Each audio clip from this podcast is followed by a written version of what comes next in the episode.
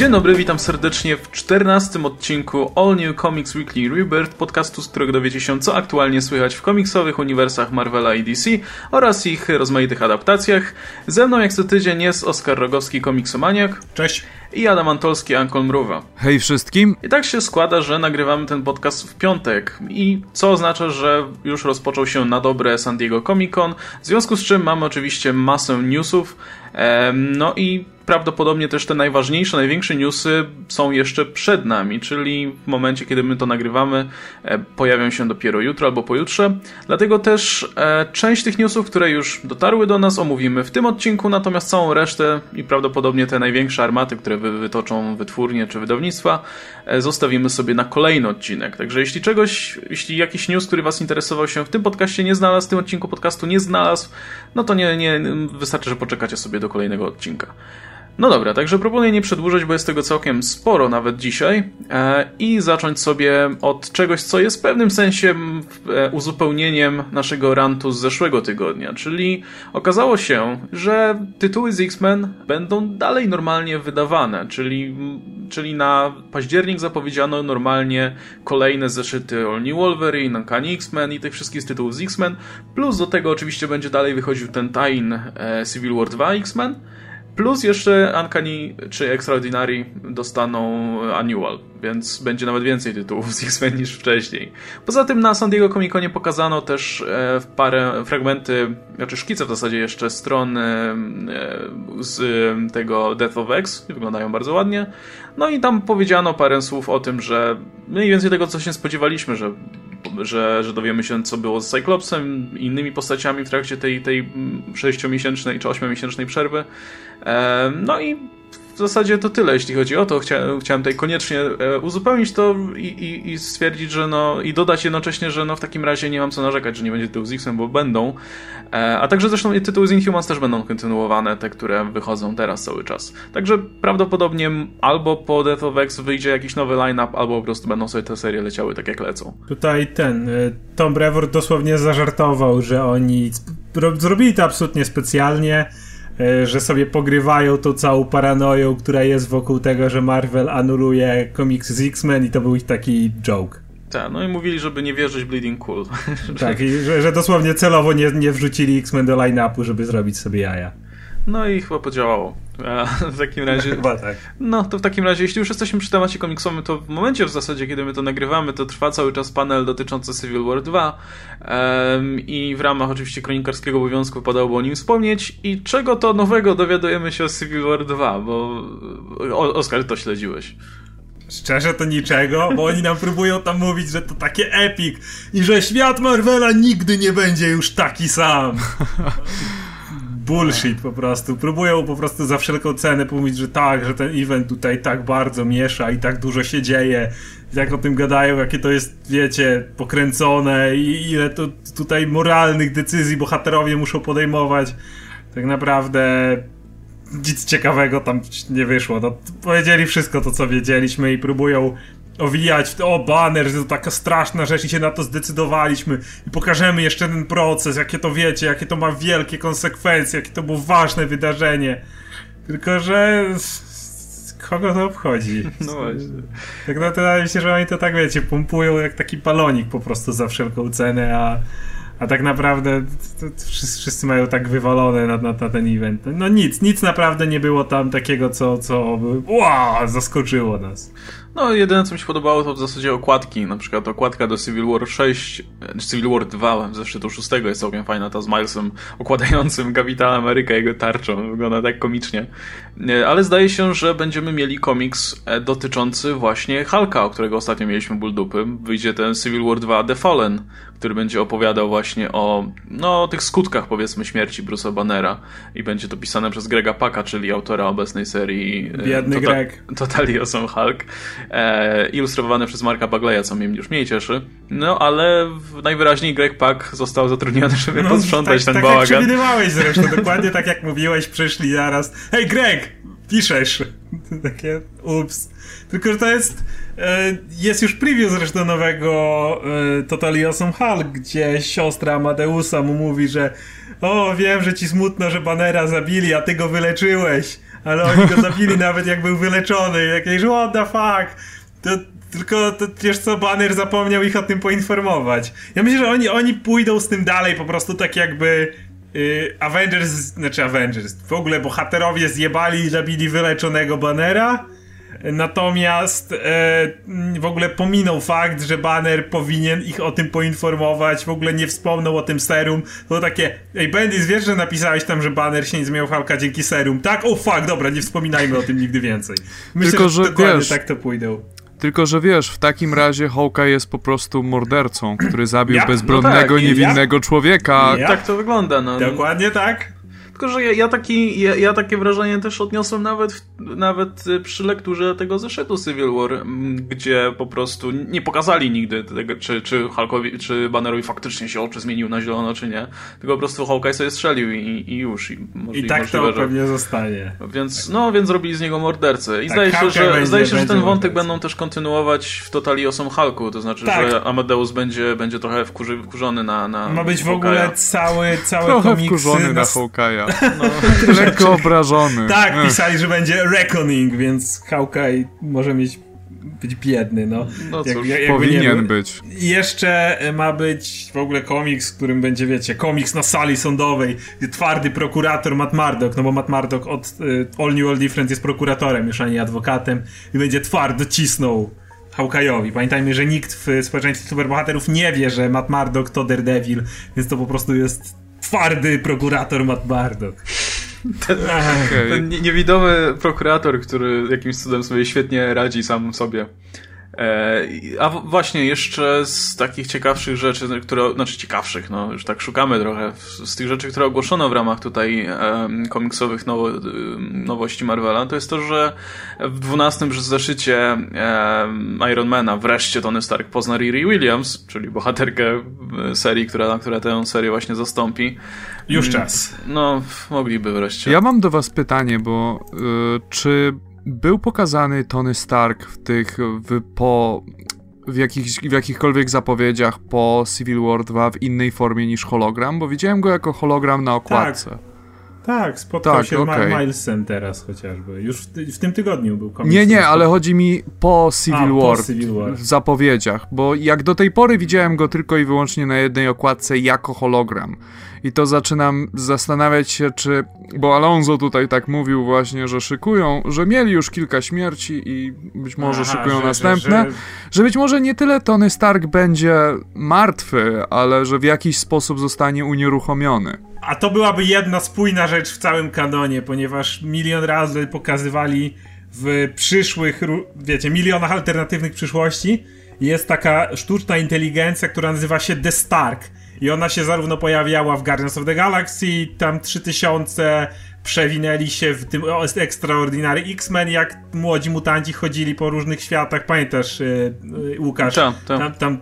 I, I, to jest w bardzo wielu przyszłościach jest motyw tej sztucznej inteligencji, która nazywa się The Stark, którą Stark jakby stworzył i ona jakby dalej niesie jakiś rodzaj jego świadomości. Oczywiście wiadomo, że to nie byłoby na stałe i Tony jako Tony na pewno wróci, ale to, to chociaż byłoby jakoś spójne z tymi mm, przyszłościami, które tam co jakiś czas serwują. No więc... wiemy na pewno, że Carol Danvers się nic nie stanie, więc prawdopodobnie jakoś ofiary muszą ja. być na szczycie tej drugiej strony, nie? No.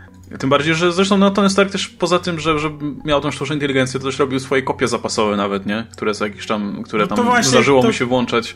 No to tak jak było w Superior Iron Man, nie? No to właśnie, tak, gdzie, gdzie, gdzie, się pojawiła.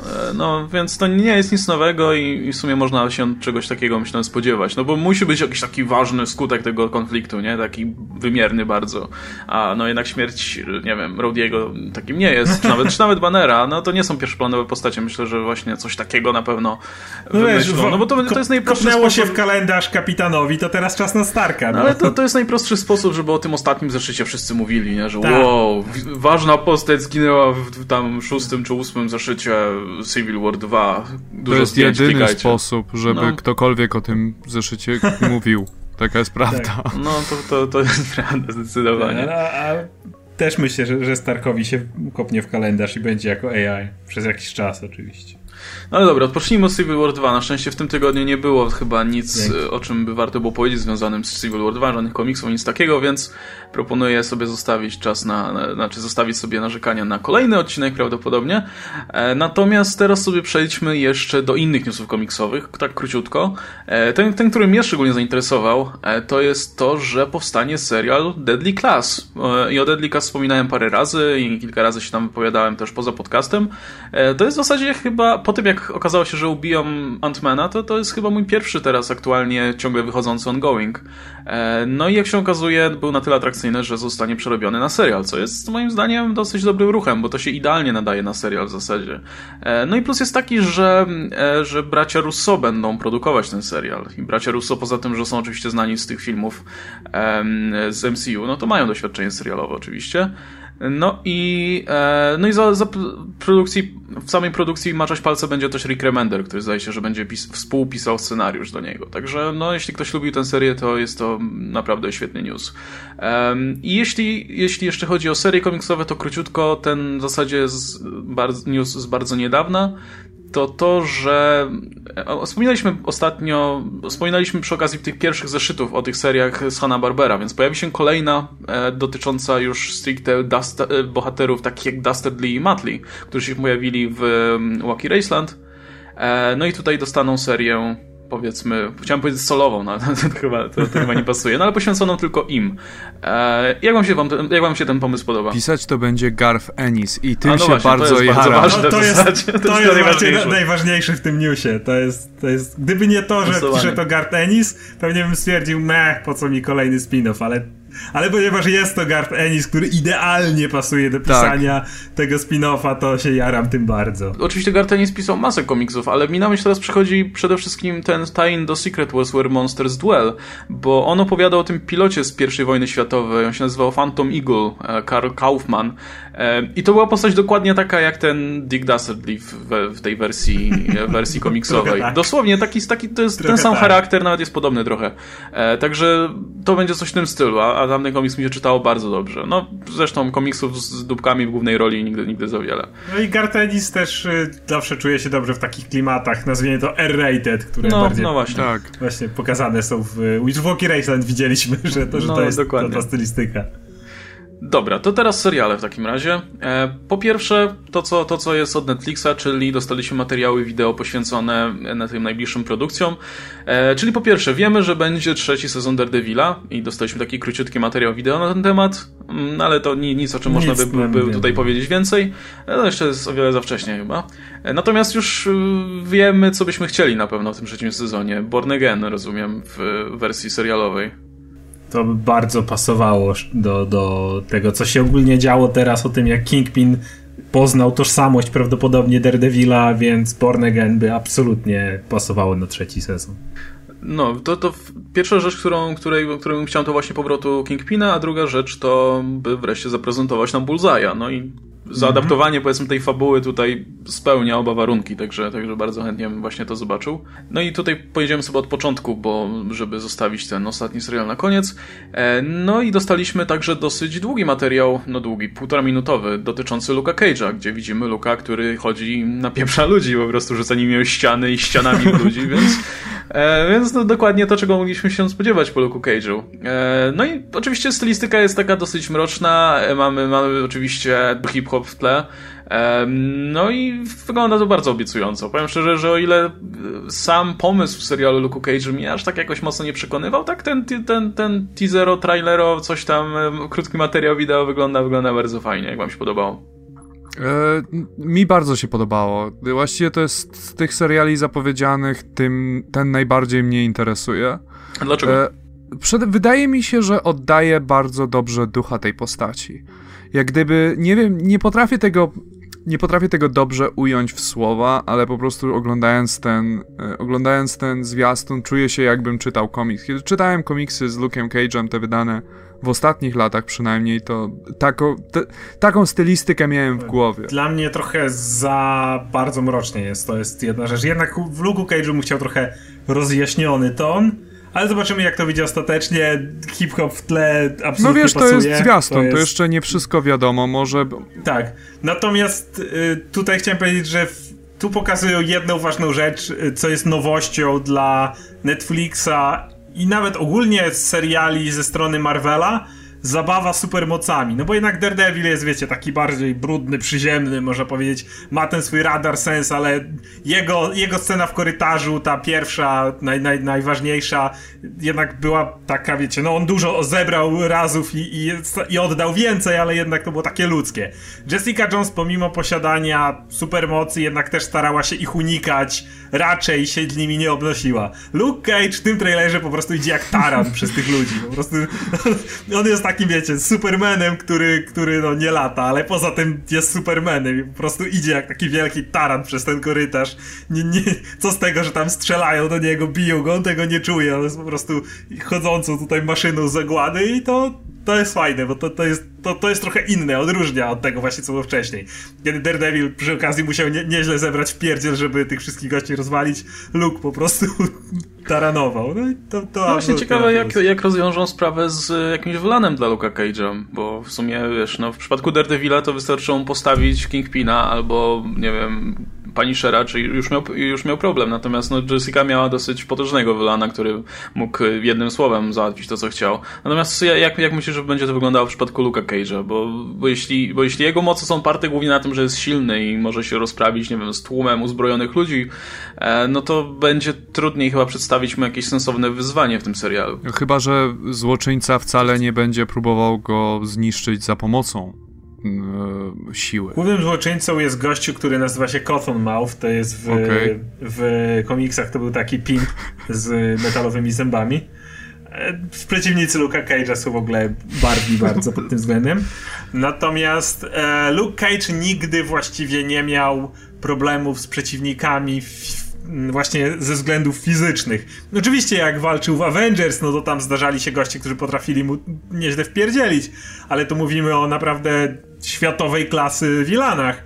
W tych bardziej mm, ulicznych seriach typu Power Man Iron Fist, Heroes for Hire, czy mm, Cage w tej linii Max Comics, to była miniseria, zawsze bardziej chodziło o to, jak mogą dotknąć otoczenie Cage'a. Cage jest go gościem, który był znany z tego, że bardzo walczył o swoją dzielnicę, o, Har o Harlem w tym wypadku. E, I e, on się różni tym od Daredevila, że no, jego tożsamość jest jawna. Cage to jest gość, który chodzi po ulicy, wręcz jest świetna scena właśnie w Max Comics, kiedy widzi dwóch gości dealujących na ulicy, podchodzi do jednego i po prostu krzyczy mu w twarz Say my name! to takie, a! Wiesz, no po prostu załatwia dealerów, czy y, w momencie, kiedy jego żona rodziła, to było chyba w Puls, kiedy on biegnie i widzi właśnie, jak goście dealują, jest pokazana scena, kiedy on przebiega, następny panel oni dalej dealują, następny panel, kiedy Luke Cage na backpedalu podbiegł, zobaczył ich i daje im w mordę i biegnie dalej. Więc jakby to, to był gość, który przede wszystkim zawsze dbał o swoją dzielnicę w sposób właśnie jawny. On, wiesz, stand up for the little guy, jakby to powiedzieć. I e, jego można skrzywdzić właśnie w ten sposób, szukając jego bliskich, bo wiadomo kim on jest, wiadomo gdzie on mieszka.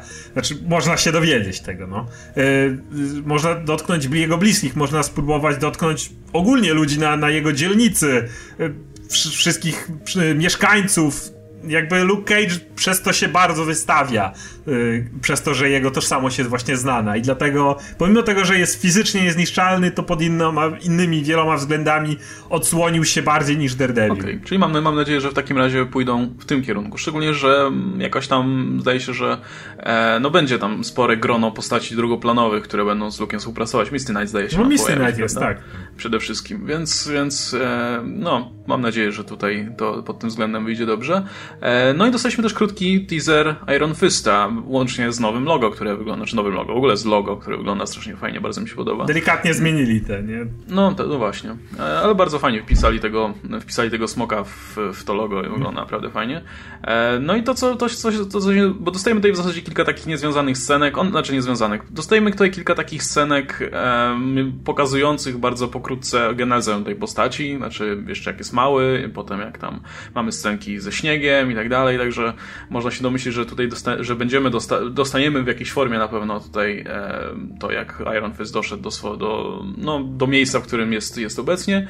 No i to, co się rzuca w oczy, to fakt, że jest, to jest też taki dosyć mroczny ten trailer, w sensie bardzo poważny e, i przypomina mi się od razu tutaj to, jak zaprezentowano po raz pierwszy Doktora Strange'a w, w tym pierwszym też materiale wideo. Czyli mamy w sumie podobną stylistykę i też obie postacie są powiedzmy jakoś tam zaangażowane tak. mistycznie. Mistycznie, no właśnie. Tak, I w obu tak. podchodzić do tego dosyć poważnie, więc e, no ciekaw jestem tego efektu. Tym bardziej, że tak samo zresztą jak w przypadku Luka Cage'a, tak samo tutaj myślę, że nawet jeśli ogólna stylistyka będzie mroczna, to same postacie myślę, że nie będą wcale śmiertelnie poważne, więc. Yy, no i z drugiej strony trzeba też pamiętać o tym, że jednak trzeba będzie te postacie potem zebrać do kupy i oczywiście o tym kolejnym serialu za moment, ale też y, myślę, że byłby problem, gdyby zrobiono seriale, które bardzo by się różniły tonem, bo byłby problem, żeby je potem jakoś sparować ze sobą. Dlatego też myślę, że no, te trailery mają dosyć podobną stylistykę, natomiast mam nadzieję, że same postacie będą jednak wypadać trochę inaczej. E, no i dostaliśmy pierwszy widok oczywiście na samego danego Randa. No i ciężko oczywiście powiedzieć coś więcej poza tym, że no, wygląda spoko. E, no ale fajnie, fajnie, że wreszcie jakiś materiał się pojawił. Czekam na więcej na pewno, bo akurat to jest ten serial, którym ja jestem najbardziej zainteresowany, głównie ze względu, ze względu na te powiązanie mistyczne. E, no i cały czas liczę, że to jednak będzie taki kiczowaty, kiczowaty serial kung fu jednak, tym bardziej, że jeszcze tam już wcześniej potwierdzono, że Shang-Chi się w nim pojawi. Więc no, jaram się. Jak się wam podobało? Ja nie mam żadnego zdania. Ja tę postać znam bardzo słabo, więc właściwie nic mi nie mówi ten teaser. Natomiast ja tak samo jak Łukasz jaram się najbardziej Iron Fistem, bo Iron Fista znam dobrze i wręcz bardzo dobrze i go bardzo lubię. Iron Fist jest, ma niesamowicie ciekawą historię i właśnie i nie tylko jego historia, ale cała historia Kunlun, tamtejszych Iron Fistów, cała mitologia, która jest tak złożona, jest tak rozbudowana, to jest tak niesamowicie dopieszczony świat Marvela, do którego to tak żałuję, że ostatnio Marvel nie zagląda. Liczę na to, że w serii Iron Fists wreszcie do tego trochę wrócą. E, natomiast e, sam teaser właśnie jest w tych takich mroczniejszych klimatach, co mi bardzo odpowiada, jeśli Danny Rand będzie w miarę wesołym gościem. E, po tych zdjęciach, które kiedyś widziałem z planów, odnoszę wrażenie, że może tak być. E, jego zobaczymy już w tym roku, we wrześniu, 30 września jest premiera Luka Cage'a. E, ostatni odcinek, z tego co wiem, ma nosić tytuł Power Man and Iron Fist. Dosłownie tak nazywa się ostatni odcinek Luka Cage'a. I tam przede wszystkim nie tyle mnie interesuje, jak zobaczymy danego Randa, bo na to będzie czas w jego własnej serii, ale jego, tak jak wspomniałeś, relacja jego i Luka, która jest absolutnie najważniejsza w całej tej ekipie zebranych postaci, no bo w komiksie to są najlepsi kumple e- ever. W ogóle ciężko znaleźć dwóch takich gdziekolwiek. Więc y, bardzo liczę na ich relacje. Jeśli chodzi o te kiczowate kung fu, ci mnisi wyglądali obiecująco. Pod tym względem. Cały czas oczywiście boję się tym, jak pokażą smoka, bo smok jest istotny, ale no logo jest smokiem, nie da się obejść. Myślisz, że dadzą mu komiksowy tak. kostium w którymś momencie? Myślę, że którąś wersję tak, y, w jakiś sposób zaadaptują. Wiesz, Daredevila też zaadaptowali. Myślę, że jaka, jakaś wersja będzie. Bo ja ogólnie bardzo lubię to z The Immortal Iron Fist, te takie trochę szersze spodnie. I, i te bandaże na rękach, ale jakąś wersję pe, pe, pewnie mu, mu wrzucą. Natomiast jeśli chodzi o ten początek, tam wygląda jakby Dany leżał jako młod, dziecko na śniegu, jakby był jakiś wypadek samolotowy, czytałem, że ma być jakiś zamach na jego rodzinę. Ja mam nadzieję, że tego nie będzie, bo kluczowym w Iron Fistie, w jego całym tym dramacie rodzinnym jest to, że nikt nie miał zamachu na ich rodzinę. Jego ojciec był tak owładnięty myślą powrotu do Kunlun, że zabrał swoją rodzinę na samobójczą wycieczkę, powiedzmy, na samobójczy podróż, żeby odnaleźć Kunlun. I to, że jego ojciec zginął, powiedzmy, tam historia poszła, nieważne. To, że jego matkę rozszarpały wilki, to wszystko jest wina właśnie ojca, który był tak zapatrzony w ten jeden, jedyny cel, znaleźć Kunlun, znaczy wrócić do Kunlun, bo już tam był kiedyś, że, że to doprowadziło do tej całej tragedii w życiu i mam nadzieję, że to zostanie, bo inaczej trochę mm, odbierze się, bo potem przez to Rand ma takie e, specyficzne podejście do całej swojej firmy, do całego swojego bogactwa przez to, że ono zostało zbudowane przez jego ojca. I tam to jest dosyć krwawa kasa potem, jak się okazuje. Więc mam nadzieję, że to zachowają naprawdę. Poza tym, no, jaram się bardzo, bo Iron Fist jest szczególnie dla mnie bliską postacią. Natomiast jeszcze tak w odniesieniu do tego, jaki charakter będzie miał sam Dany, no to wydaje mi się, że zbierając tych wszystkich poważnych bohaterów, tego śmiertelnie poważnego Daredevila, śmiertelnie poważną Jessica Jones, no i Luka Cage'a, który ma trochę luźniejszy charakter, ale też nie do końca, no to jednak przyda się ktoś, kto, kto nie będzie straightmanem w tej drużynie, także wydaje mi się, że no, powinni jednak iść w kierunku, w to powinien być dany i, po prostu no, musi być ktoś o innym charakterze w tej drużynie. No właśnie, jeśli już jesteśmy przy okazji, przy, jeśli już mówimy o Defenders, e, no to również pojawił się taki krótki, graficzny teaser, e, który w zasadzie też nam nic wiele nie powiedział, poza tym, że no wiemy już na 100%, że będzie kontynuował tę historię z drugiego sezonu Daredevila, bo pojawia się w nim, znaczy nie pojawia się, pojawia się jego głos na sam koniec, co oznacza, że no, jak będzie Stick, to pewnie będzie i Hand i, i będziemy mieli całą tę akcję z, właśnie z Hand. E, no i mamy Nirwanę w tle. Nie wiem, czy to coś znaczy, ale, ale jest. Więc najwyraźniej tutaj e, pasuje stylistycznie do, do tego zespołu. No i dostaliśmy logo oczywiście, które mi się tam się średnio podoba. E, no ale też myślę, że jest jeszcze do wiele za wcześnie na jakiekolwiek sensowne zapowiedzi. Natomiast no, powiem szczerze, nie, nie, właśnie nie wiem, czy wy to też tak macie, że ten serial, powiem wam szczerze, mnie jara najmniej z tych wszystkich, bo jakoś mnie aż tak nie bawi jeszcze perspektywa zebrania tych postaci. Może dlatego, że dwóch jeszcze nie znam w, solo, w solowych przygodach, ale, ale bardziej, powiem, powiem szczerze, że na to miejsce bym wolał na przykład jakąś nową postać albo, nie wiem, drugi sezon jakiejś innej niż, niż zbieranie ich do kupy. Na razie jakoś, jakoś mnie to nie kręci. Szczególnie, że, szczególnie jeśli to ma oznaczać kontynuowanie tego wątku z Hand, który mi się aż tak do końca y, nie podobał. E, czekacie w ogóle na Defender, czy wolelibyście na przykład coś innego w to miejsce? To mają być tylko te trzy postacie, prawda? Cztery. Cztery. Iron Man, Luke Cage, Iron Fist i Jessica. Okej. Okay nie jest to trochę za mało na zespół? Była cała masa zespołów. Oryginalni Defenders to były cztery osoby, co prawda zupełnie inni, bo to był Doctor Strange, Silver Surfer, Namor i Hulk, ale było ich cztery. Nie, powiem szczerze, że mi to nie przeszkadza, bo im mniej osób, powiedzmy, w drużynie, no to więcej miejsca dla nich jednak. I, -hmm. i cztery osoby to dla mnie jest okej, okay, tym bardziej, że one no, różnią się jednak charakterami. No, Daredevil jest takim typowym bohaterem, heroicznym i tak dalej. Jessica Jones wręcz przeciwnie. Ona powinna być, Jessica jest cyniczna, ironiczna. Jessica wygląda na kogoś, kto by wcale nie chciał być tak, tej generalnie... został, nie wiem, zmuszony do tego. Znaczy tak ona miewała, jak ona dołączała do Avengers, to też było tak, wiesz, bo ją Luke Cage po prostu namawiał na maksa i ona, no dobra, dobra, założę te śmieszne więc, więc Jessica taka była. E... No plus Jessica ma ten swój oczywiście e, umiejętności de detektywistyczne, tak. więc na pewno się przyda. Cage jest wiadomo mięśniami i siły, ale też jest, może powiedzieć, sercem drużyny, bo on był, on był, tym, on był liderem Avengers, on był tym gościem, wiesz, który zawsze, zawsze jest optymistyczny, powiedzmy. Też jest dosyć cyniczny, ale tak w trochę inny sposób niż Jessica. To jest, to jest tak, takie, powiedzmy, serce drużyny, no a Dany powinien być tym comic relief trochę. Więc to, to, no się, to się składa na drużynę. No, no. Myślę, że jak to do tego się dorzuci jeszcze jakieś drugoplanowe postacie, które, które się pojawiają w tych... Jak dorzucisz do tego jeszcze na przykład Misty Knight albo kogoś, to, to będzie ok. Ale też właśnie nie, wolę, szczerze mówiąc, jak jest mniej, Ale... mniej postaci, a poświęciliśmy więcej czasu, niż by mieli tam dorzucać kogoś. Ja się jaram bardzo tym serialem, dlatego że bardzo chciałbym zobaczyć relacje między bohaterami. E, relacja między Frankiem Castle a Daredevilem była świetna, uważam, w drugim sezonie i chciałbym wie troszkę więcej jeszcze tego dostać, bo widzę, że to im może wyjść. I chciałbym... Brakowało mi na przykład w Jessica Jones tego, żeby chociaż pojawił się Matt Murdock jako, jako prawnik, chociaż drobne, do, drobną jakąś między nimi wymianę zdań. I Zobaczymy, jak wyjdzie ostatni ten odcinek Luka Cage'a i relacja między Luke'em a Danym, bo jak okaże się, że to nie gra, no to wiele rzeczy może nie zagrać, ale póki co chciałbym jeden sezon dostać tak i zobaczyć, jak y, jak te postacie mają ze sobą relacje, no bo Marvelowi to generalnie wychodzi. To Avengers się sprawdziło świetnie na przykład. Nie sądzili, wszyscy oglądaliśmy te filmy, nikt nie wiedział jak to wypali, a okazało się, że właśnie jak bohaterowie ścierają się ze sobą, muszą się jakoś tam dograć, żeby razem zadziałać, to może naprawdę fajnie wyjść. Więc ja się jaram. E, to jeśli już jesteśmy przy temacie seriali, e, ostatnio mieliśmy bekę, że mm, masa, masa e, powiedzmy obserwatorów potraktowała ten płonący łańcuch, który tutaj był jednym z graficznych elementów Ages of S.H.I.E.L.D., jako zapowiedź tego, że pojawi się w nim Ghost Rider. E, I co, no, jeśli ktoś oglądał trzeci sezon Agents of S.H.I.E.L.D., to wie, że tam była postać, która po prostu się posługiwała łańcuchem, który, który, był, który płonął, bo był naładowany energią. Natomiast, jak się okazuje, to pojawiła się pewna... Znaczy, no, to właśnie nie plotka, donieś... to jest informacja. Do, no, no fakt, do, pojawiły się doniesienia, które mówią o tym, że faktycznie doczekamy się Ghost Ridera w Agents of S.H.I.E.L.D., co jest zaskakujące. Cholera, szczerze bardzo. mówiąc.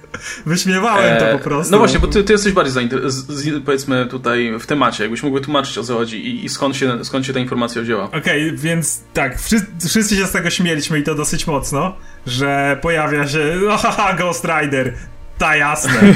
I, natomiast pojawiła się informacja castingowa, że szukają do tego serialu dwóch aktorów, którzy mieliby zagrać braci latynosów, z czego jeden jest yy, niepełnosprawny, jeździ na wózku, a drugi jest, jak, na, jak to oznaczyli, najniebezpieczniejszym gościem w pomieszczeniu.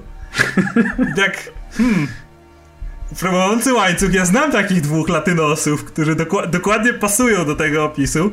Jest to nowy Ghost Rider, czyli Robbie Reyes, którego zresztą przygody bardzo lubiłem. To była krótka seria, nie sprzedawała się, więc była anulowana, nie pamiętam, 18 zeszytów miała, coś koło tego. E, Trzy storyarki takie większe. Ale naprawdę Robbie Reyes bardzo przypadł mi do gustu, był naprawdę ciekawy bohater. I jak tak o tym pomyślałem, to ma dużo większy sens, bo cały czas myśleliśmy o Ghost Riderze jako o Johnem Blaze'ie. I wtedy, I wtedy oczywiście nie ma, nie ma szans, wiecie, serialowy budżet, jeżdżący koleś na płonącym motorze z płonącą czachą i tak dalej. To człowiek sobie myśli, no nie ma szans, żeby w serialowym budżecie to wyszło. Ale jak podmienisz to na Robiego Reyesa, to po pierwsze on jeździ samochodem. Tutaj jest dużo tańsze CGI ze względu na to, że CGI zawsze najtrudniej wychodzi przy postaciach. Kiedy masz postacie, to najbardziej widzisz, jeżeli CGI jest tanie, że tak powiem. Kiedy Ghost Rider siedzi w samochodzie, to postaci praktycznie nie widzisz. Więc płonący samochód można zrobić dużo, dużo taniej, dużo, dużo łatwiej. Plus sam design tego Ghost Ridera to jest taki kask, powiedzmy, zrobiony w stylu czaszki.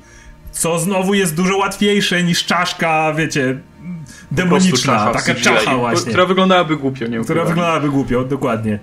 I jak sobie tak pomyślałem, to tak, Robbie Reyes mógłby pojawić się w budżecie serialowym. I w tym momencie zrobiło mi się głupio, bo strasznie się z tego śmiałem. Ale, ale teraz, teraz naprawdę kupiłem, że teraz naprawdę wierzę, że pojawi się Ghost Rider w, w Agents of S.H.I.E.L.D. i będę musiał to cholerstwo dalej oglądać. Ale to ładnie ilustruje, jak status Ghost Ridera spadł, skoro pojawi się w Agents of S.H.I.E.L.D. No ale wiesz, z drugiej strony Robbie Reyes może się pojawić w Agents of S.H.I.E.L.D., no, ale to zostawia jeszcze tak, kilku innych Ghost Riderów do wykorzystania gdziekolwiek. No to też prawda. To jest Reyes, którego mało kto zna tak naprawdę do Robiego Reyesa mało kto zna, ale, ale jednocześnie jest to też postać, która ma taki background, który myślę, że trafiałby do, do, do jakiejś szerokiej publiki serialowej, bo no, łatwo się tutaj odnieść po prostu. I bardzo niego, łatwo no, go bo... polubić. Jak, jak no właśnie, bardzo łatwo go polubić. Głównie, głównie ze względu na tę nie super bohaterską część, tak, powiedzmy, tak. jego życia, właśnie te, te życie w tej chujowej dzielnicy, opiek, opiek, opiekowanie się tym bratem i tak dalej. Mhm. Także też bym chętnie to zobaczył. Ale to, to, co jest moim zdaniem jeszcze ciekawsze, to jest fakt, że w ogóle Ghost Rider będzie w Agents of S.H.I.E.L.D. Serial, który do tej pory strasznie mocno się skupiał na tym temacie Inhumans i raczej, jeśli już patrzył, to raczej w stronę kosmosu, a nie mistycznych sił, tak jak, czy tam nawet demonicznych sił, jak w przypadku Ghost Ridera. Więc czy to oznacza w takim razie też zwrot e, w zupełnie innym kierunku w serialu. Może z racji tego, że oglądalność spadła ostro, no to uznali, że w takim razie spróbują czegoś zupełnie innego, czegoś, co też lepiej, myślę, się sprzeda, jeśli nagłówki będą mówić, że o, Ghost Rider jest w Agents of S.H.I.E.L.D., niż e, wałkowanie Inhumans, którzy wynudzili naprawdę nawet najwierniejszych fanów, mówię tej osobie. Więc, e, no, no ciekawe. No i tak jak, tak jak wspominałeś, jak, jak gadaliśmy o tym, to też się pokrywa trochę, start serialu, czego kolejnego sezonu się pokrywa trochę z premierą Doktora Strange'a, więc już nie będzie aż tak dziwne poruszać tematy, powiedzmy, te takie okultystyczno-mistyczne. No to, to jest, w ramach MCU. No właśnie, to jest takie w, typowe w Agents of S.H.I.E.L.D., że oni zawsze próbowali podpiąć się, poruszać tematy okołofilmowe w momencie, w którym akurat y, y, sezon dochodził do momentu, w którym gdzieś była ta premiera filmowa. Raz lepiej jak w pierwszym sezonie z Winter Soldierem, a raz gorzej jak w Civil War. Co było dosyć zabawne. Podpięcie pod Civil War. W każdym... To nawet nie było. Ja myślałem, że coś się zmieni, ale to, to było ogóle... dosyć śmieszne. No, to mi ten odcinek nawet nie zauważyłem dlatego tutaj liczę na to, że się okaże, że Ghost Rider jest Inhumanem. To jest dla mnie full stop. O, nie, prostu, nie. To byłby dla mnie full stop w tym momencie i dosyć. Natomiast liczę na to, że to będzie faktycznie ten cały okultystyczny motyw. Zresztą to też było ciekawe z tym jego wujkiem w rodzinie i, i to, no to mogło być no mówię, pasujące do tego, że akurat będzie premiera Doktora Strange'a, więc wierzę, że to będzie naprawdę mistycyzm, a nie Inhuman. To by, było, to by no naprawdę i... nie miało sensu, jakby próbowali to powiązać z Inhumans. Dlatego, że Marvel się wycofuje z Inhumans na Aha. każdym froncie. Aha. E, dlaczego miałbyś w tym momencie ciągnąć ten temat? Ten, ten wątek Inhumans miał teasować film, który nigdy nie nadejdzie. Tak. Ja mam, nie, no, ja mam nadzieję, że ten, z tym czwartym sezonem faktycznie będą chcieli trochę no, postawić krechę i, i zacząć coś zupełnie nowego. E, tym bardziej, że no, będzie nowy dyrektor tej całej komórki Shield i w ogóle zmiany spore w tym serialu, więc myślę, że to się ładnie, powiedzmy, powiąże ze zmianami też w samym kierunku, powiedzmy, i części uniwersum, które będą chcieli dotyczyć. No bo też, powiedzmy sobie szczerze, no, uniwersum Marvela jest tak duże i nawet, nawet w kontekście tych takich małych, nieważnych elementów, z których mogliby sobie czerpać po prostu do woli, oni cały czas pakowali tych Inhumans i cały czas tylko ten jeden wątek był wałkowany w kółko. Inhumans, Kosmos, Kree Humans i tak cały czas. Podczas gdy w zasadzie no, mieli, mają o wiele większe możliwości mimo wszystko. Nawet, nawet z tym całym problemem postaci filmów, które nie chcą tutaj mieć nic wspólnego z serialami. Tutaj jeszcze chciałem wspomnieć, zobaczymy jak się to rozwinie, bo e, ten panel CW i ogólnie tego DC serialowego będzie nie wiem, czy w sobotę, czy w niedzielę. W każdym razie, jak to nagrywamy, jeszcze go nie było, ale niewykluczone, że zaraz właśnie na polu serialowym DC bardzo skopie dupę Marvelowi, bo wszystko wskazuje na to, że tam się mocno, rozlu- mocno się rozluźniły stosunki pomiędzy serialami a filmami i wreszcie, wreszcie załapali, że ich publika nie jest na tyle durna, że jeżeli będziesz wrzucał Supermana czy Batmana w filmie i w serialu, to ludzie się pogubią. Wiemy już, że Superman będzie w Supergirl, a aktor jest obsadzony i tak dalej. Natomiast są doniesienia, że mają się pojawić też w serialu Aquaman, jakiś fragment świata Batmana i tak dalej. I to, czyli generalnie mocne odblokowanie możliwości scenarzystom serialowym. No i to było widać, no był Arrow sezon 2 i był Arrow sezon 3 i 4 i, i Reddit, fani na Reddicie, no. Więc to, to było widać jaka jest różnica, kiedy jest to skrępowane i kiedy jest nieskrępowane. Więc w tym momencie, kiedy DC pokaże, że ich rozłączne uniwersum, mam nadzieję, odniesie dużo większy sukces, bo będzie naprawdę rozłączne i będzie naprawdę y, dokładnie to, jak obiecywali, da swobodę kreatywną, to kiedy Marvel z drugiej strony będzie miał ten swój biedny serialik Agents of S.H.I.E.L.D., który mówią, nie, nie możecie tej postaci, tej też nie możecie, i tej też nie, róbcie swoje. No to, no to w tym momencie, no, Marvel dostanie bardzo mocno po dupie, więc mam nadzieję, że widząc to mają jakiś własny kierunek i coś tam się lepszego stanie. Tylko, że wiesz, z drugiej strony Marvel też niespecjalnie się tym, tym swoim uniwersum serialowym, które nie należy do Netflixa, przyjmuje, no bo uniwersum serialowym był jednym serialem oczywiście, czy dwoma wcześniej, bo, no bo jakby nie patrzeć, Agents of S.H.I.E.L.D. to nie jest serial, który zarabia kasę im, bo, bo to jest serial, który ma wysoki próg wejścia, czyli żeby go oglądać i w ogóle wiedzieć o co chodzi, no to trzeba oglądać długo i to nie jest serial, do którego, nie wiem, wejdziesz od czwartego sezonu sobie od tak, bo nie będziesz znał niczego. E, to, to jedna rzecz. Na dwa, no, nie, ma, nie ma wysokiej oglądalności, nie ma związków z filmami i tak dalej, także myślę, że to...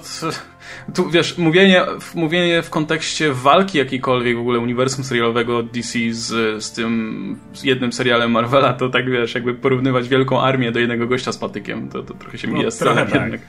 E, natomiast, natomiast ja i tak jestem bardziej zainteresowany Netflixem i tak póki co. E, s, także jest, nie, nie, wiem, co by musieli ogłosić. No ma być ten nowy serial Marvela, który prawdopodobnie, kiedy już słuchacie tego, jest ogłoszony, chociaż niekoniecznie.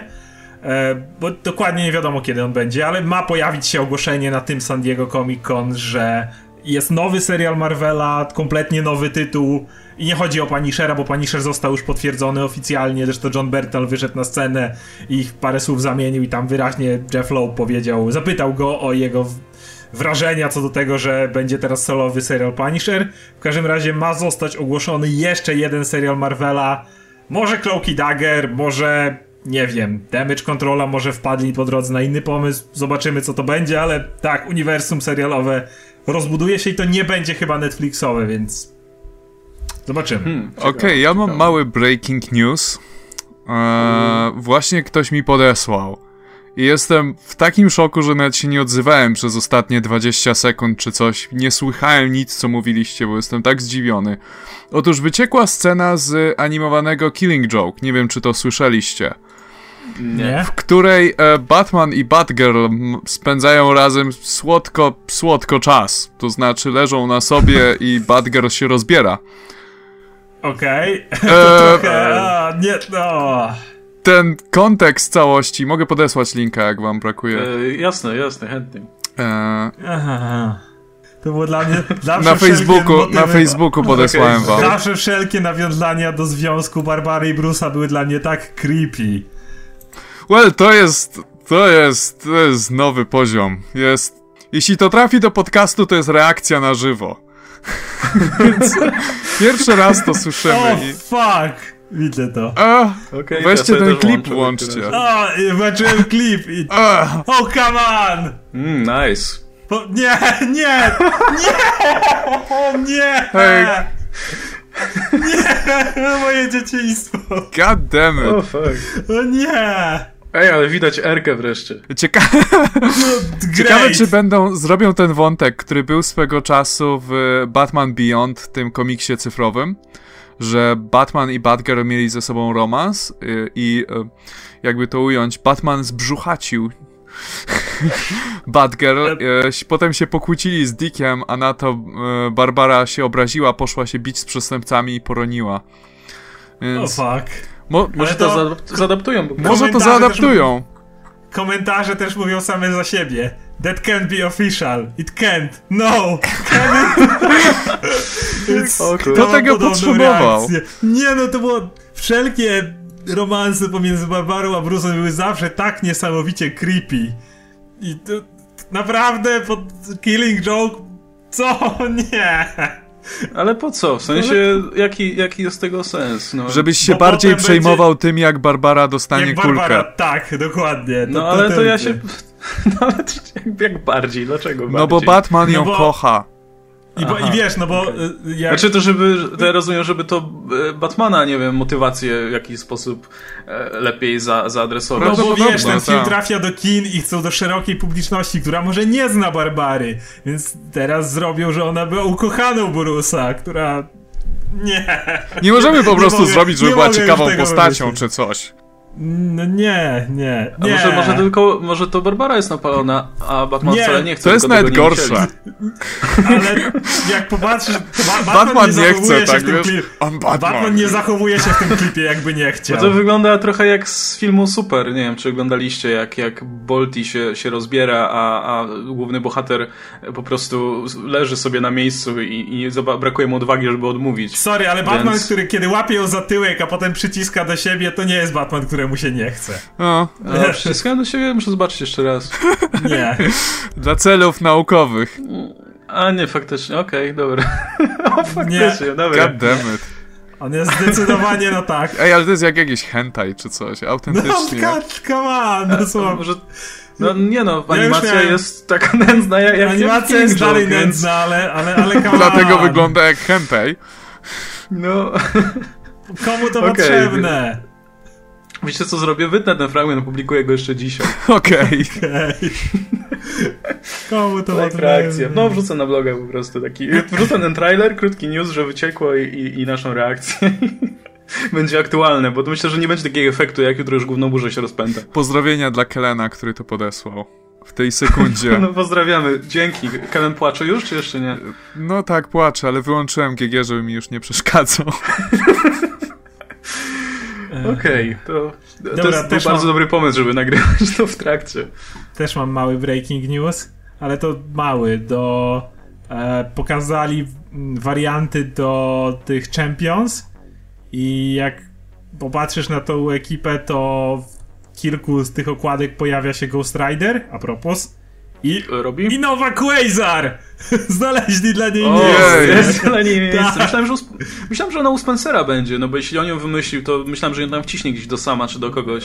Wade'owi ją oddaje. Bo w sumie samowi by się przydał ktoś, kto, wiesz, potrafi cokolwiek.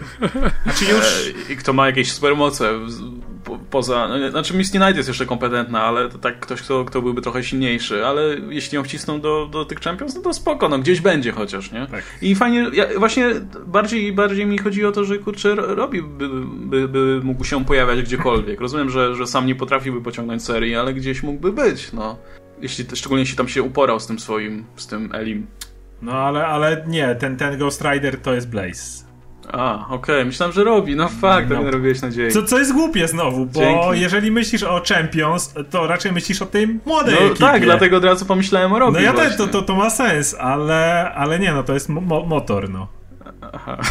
Okej. Okay. To jest motor. Motor, nie samochód. No dobra, okej. Okay. No może będzie ich mentorem, tak jak mentorował temu. Robimy. Może kupił sobie motocykl po prostu. Nie, no to są klasyczne ciuchy Blaze'a, to jest, to jest okay. ewidentnie Blaze. to nie ma sensu, ale... Nie ma. E, ja, a, a Robbie Reyes miałby absolutny sens.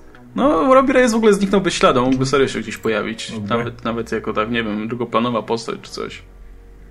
E, no dobra, to po tym bardzo emocjonującym segmencie w takim razie, to pomówmy sobie jeszcze w takim razie o innym trailerze powiedzmy, choć to bardziej wygląda jak taka kompilacja scenek. E, no zapowiedziano kreskówkę, serial animowany Justice League Action. E, no i to będzie serial, który będzie zbiorem takich 11-minutowych odcinków. E, opowiadających właśnie o przygodach e, Justice League, która będzie występować w formie Batman, Superman i Wonder Woman plus jakaś tam powiedzmy skład złożony z, ruchomy skład złożony z innych bohaterów. No i z tego co widzieliśmy w trailerze, to faktycznie ten przekrój powiedzmy uniwersum DC będzie naprawdę duży, coś na kształt Justice League Unlimited, bo widać tam naprawdę masę postaci, nawet takich, nie wiem, trzecio- czwartoligowych, co jest o tyle ciekawe. No i, a, ale z drugiej strony też widać, że to będzie seria taka bardzo luźna, komediowa, bardzo lekka, E, no i myślę, że te krótkie odcinki to świadczą o tym, że raczej to nie będzie nic, nie wiem, nic takiego poważniejszego. Nie chcę już mówić poważniejszego w kontekście filmu animowanego, bo wiadomo, że one są zwykle kierowane do szerokiej publiki, niezależnie od wieku. Chyba, że Killing Joke. E, chyba, że Killing Joke, ale Killing Joke jest specyficzny z tego co widzę. E, natomiast... Y, jeśli o, jeszcze odnośnie tego serialu. No rzecz, która jest istotna i myślę, że najwięcej tutaj fanów zwróciło na to uwagę, to fakt, że wróci znowu do roli Jokera Mark Hamill i do roli Batmana Kevin Conroy. Więc to, to już samo to świadczy o tym, że no jakieś tam zasoby na ten serial idą, że to nie jest tam robione po kosztach byle jak. Więc e, nie wiem, czy widzieliście ten trailer, a jeśli tak, to jak wam się, jak wam się podoba ta kreskówka?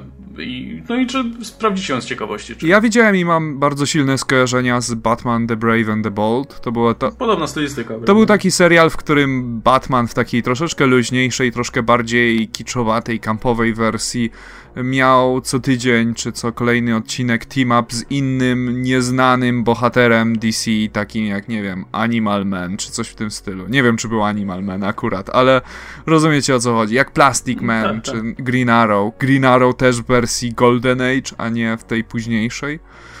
E, no ja jestem ciekaw. Nie, nie mam jakby, nie mam zbyt dużych oczekiwań, bo już jestem troszeczkę poza jak gdyby targetem tego serialu. E, ale z chęcią zobaczę kilka odcinków. Jeśli będzie się przyjemnie oglądało, to czemu nie? Cieszy mnie to, że Firestorm zdaje się pełnić tutaj dużą rolę, bo to jest taki bohater i to w takiej bardzo klasycznej wersji. Nie próbowali go tutaj jakoś modernizować. W ogóle wszystkie te designy wyglądają bardzo klasycznie. Zakładam, że Firestorm to akurat ze względu na trochę popularność w Flashu, w serialu. No tak, tylko że tam wygląda kompletnie inaczej. A tutaj masz tą klasyczną wersję Firestorma bardzo. E, no jest Plastic Man i nie powiesz mi, że Plastic Man jest z powodu popularności w serialu, bo no nie, jego, jego nikt nie chce w serialu no, jakimś. Okay.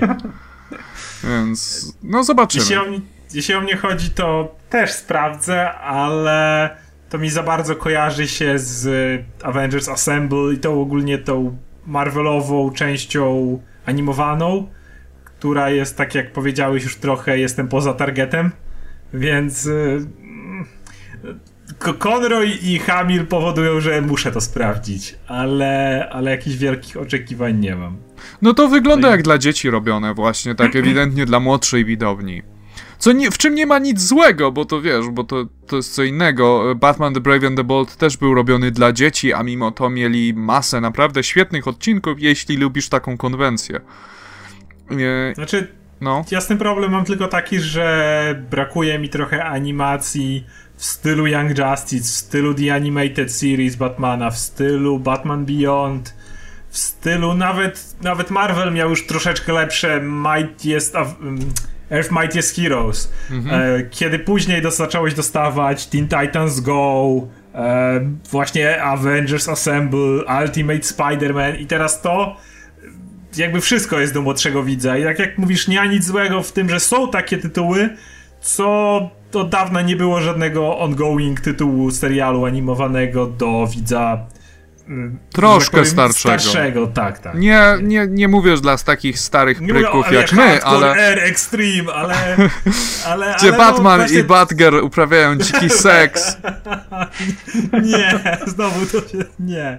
Ale nie, ale no takie właśnie w stylu Beyond, czy w stylu Young Justice, no takich brakuje mi trochę. Ten serial trochę Justice uderza w tony The Animated Series i to mnie ciekawi najbardziej w sumie. No, to animacja jest trochę podobna i te projekty są troszkę widać w tym, w tym stylu. Ten Mr. Freeze pod tak koniec. To jest no właśnie, wygląda identycznie. E, tak jak wspomniałeś o Batmanie, to też mi się przypomniało, że Kevin Conroy tutaj mają kompletnie inny kierunek z Batmanem niż, niż właśnie Brave and the Bold, bo Conroy powiedział, że, że z Batmanem jest taka, że on jest bardzo poważny i jest tak bardzo mroczny i poważny, że jest tylko od krok od bycia śmiesznym i na tym mają grać, jeśli chodzi o Batmana. A to akurat tro, trochę, trochę jak Lego Ale tak było w Justice League Unlimited i Justice League The Animated Series. Tam Batman często właśnie wchodził na teren bycia śmiesznym przez to, jak był poważny, więc to akurat wtedy działało. E, no ja też sprawdzę, szczerze mówiąc, tak z ciekawości, ale nie sądzę, żebym został na dłużej. No i dobra. E, co nam jeszcze tutaj zostało w takim razie? A był jeszcze. Aha, no mieliśmy jeszcze to oczywiście poster Wonder Woman. To też jest informacja w zasadzie sprzed, nie wiem, godziny. Gal Gadot opublikowała poster nowy, teaserowy do Wonder Woman i jest piękny i tutaj go podlinkuję na dole. Natomiast to, to, co jest widoczne w tym posterze, a także w tych wszystkich zdjęciach promocyjnych, które się pojawiały wcześniej i Gal Gadot się też pojawiła niedawno na okładce chyba Entertainment Weekly, o ile dobrze pamiętam, no to jest to, że cały czas jest pokazywana w zajebistych kolorach, no. tak. no, więc ja w ogóle się odzwyczaiłem i tak spojrzałem ten poster i mówię, kurna, nie, no to musi być jakiś fanowski, no nie ma szans, żeby, żeby to był oficjalny poster, ale nie, upewniłem się, że jest oficjalny. E, no i potem trafiłem też na resztę tych zdjęć i mówię, kurde, faktycznie odkryli kolory. I bardzo dobrze, bo, bo ten strój w kolorze E, wygląda super. Sobie... Wygląda on niebo lepiej niż na tej brązowo-szaro-burej grafice w kolorach główna, która była opublikowana tam dawno temu. Nawet lepiej niż w Batman v Superman, gdzie tam te filtry zakrywały wszystko. No właśnie, wyobrażam sobie teraz taką sytuację, że po Batman v Superman i tym narzekaniu, że jest taki zbyt szary, że ten po prostu słyszysz jak Warner krzyczy, ej, kolorujemy! Wszystko dajcie kolory. Wszędzie nakładamy filtry, wiesz, i wszystko ocieplamy kolory, no, ale to nie wiem, jak było Suicide Squad. Ten pierwszy trailer był taki właśnie mroczny i tak dalej, a potem zaczęli walić tymi pastelami po oczach, po prostu, gdzie tylko się dało z tych wszystkich zwiastunów. Było w sieci nawet to zestawienie plansz tytułowych filmów z kolejnymi, z kolejnymi trailerami, gdzie z każdym kolejnym było coraz bardziej kolorowe po prostu. tak. Pierwszy był całkiem szare, potem był tylko logo kolorowe, tło szare, a potem było Taka zupełnie co wszystko kolorowe. Tymi, tymi farbami po prostu, które no, nowe loga postaci. Jak samo Wonder Woman, jak był pierwszy taki teaser, mikro teaser, który zupełnie pokazywał, jak ona tam rozwala kilku żołnierzy. To miało identyczne filtry jak Batman v Superman. Ledwo widziałeś jakieś kolory. Patrzysz na dzisiejsze zdjęcia i one są po prostu takie jaskrawiutkie. Tam ewidentnie była korekt, korekta w tą stronę. No ewidentnie widać, że Warner stwierdził ty, wiesz, że niektóre postacie u nas to nie są takie szare? Wiesz co, y, jak Jeff Jones mówił, że chce wprowadzić do tego uniwersum trochę nadziei i optymizmu, to wyobrażam sobie, że teraz przychodzą do niego jak gdyby z każdym klipem i mówią e, Panie Jones, czy to jest wystarczająco kolorowo? Nie, więcej kolorów! Gdzie to jest czerwony? Powinien być, i te, wiesz, i tak dodają coraz to bardziej. Wiedzieliście, wiedzieliście, że y, ta y, że ta dolna część stroju Wonder Woman jest niebieska, bo ja do tej pory nie wiedziałem. Nie miałem pojęcia, że jest brązowa, taka skórzana, taka, czy coś. Ona była, była, szara, jak wszystko było szare. Wszystko Batman więc... i Superman było szare, więc... Jestem pod wrażeniem. Brakuje mi tylko jednej rzeczy na tym plakacie i jeżeli by była, to bym był w 100% spokojny o ten film. Mamy pod spodem e, podpis, jest Power, Grace, Wisdom, Wonder, czyli siła, godność. Dobrze tłumaczę Grace? No, godność, łaska, mądrość i, prawda, cud. Cudowność. I ty brakuje compassion. To jest takie jakby podstawowy, jedna z podstawowych cech Wonder Woman, o której zawsze słyszysz, jak jakikolwiek scenarzysta mówi o tej postaci, albo w samych komiksach czytając. I tutaj tego trochę mi brakuje, zresztą ona też trzyma miecz, więc będzie to bardziej wojownicza Wonder Woman niż taka Wonder Woman e, mistyczna i tak dalej. E, więc ja się wciąż wstrzymuję, bo widzę wciąż jak gdyby pozostałości z dawnego planu na Wonder Woman, takiego opartego na wojowniczej Amazonce po prostu, którą, y, którą stworzyli na potrzeby Batman v Superman.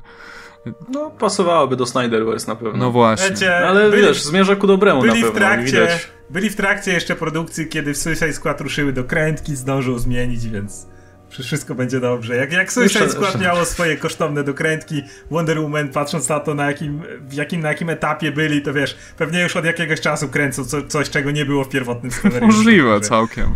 Także ja myślę, że tam ja na przykład od ostatnio zacząłem mieć dużo większe nadzieje co do właśnie Suicide Squad i tutaj mam ostatnio coraz większy optymizm w kierunku uniwersum kinowego DC, bo mam wrażenie, że tam naprawdę korygują to, to, to, to, to co spieprzyli przy BVS. No ja teraz czekam strasznie na Justice League, bo będzie okazja zobaczyć Supermana, jakby wyglądał wiecie, z kolorami e, na niebiesko-czerwono. E, będzie no na czarno. Też... Zobaczysz, wrócą go na czarno. Będzie najpierw przez pół filmu chodzić w wielkim robocie, a później ten robot go urodzi w czarnym sobie stroju. Henry'ego Cavilla z długimi włosami, takimi kręconymi. taki mulet, wiesz, taki z lat 90. Tak, te kręcone włosy długie i czarny kostium.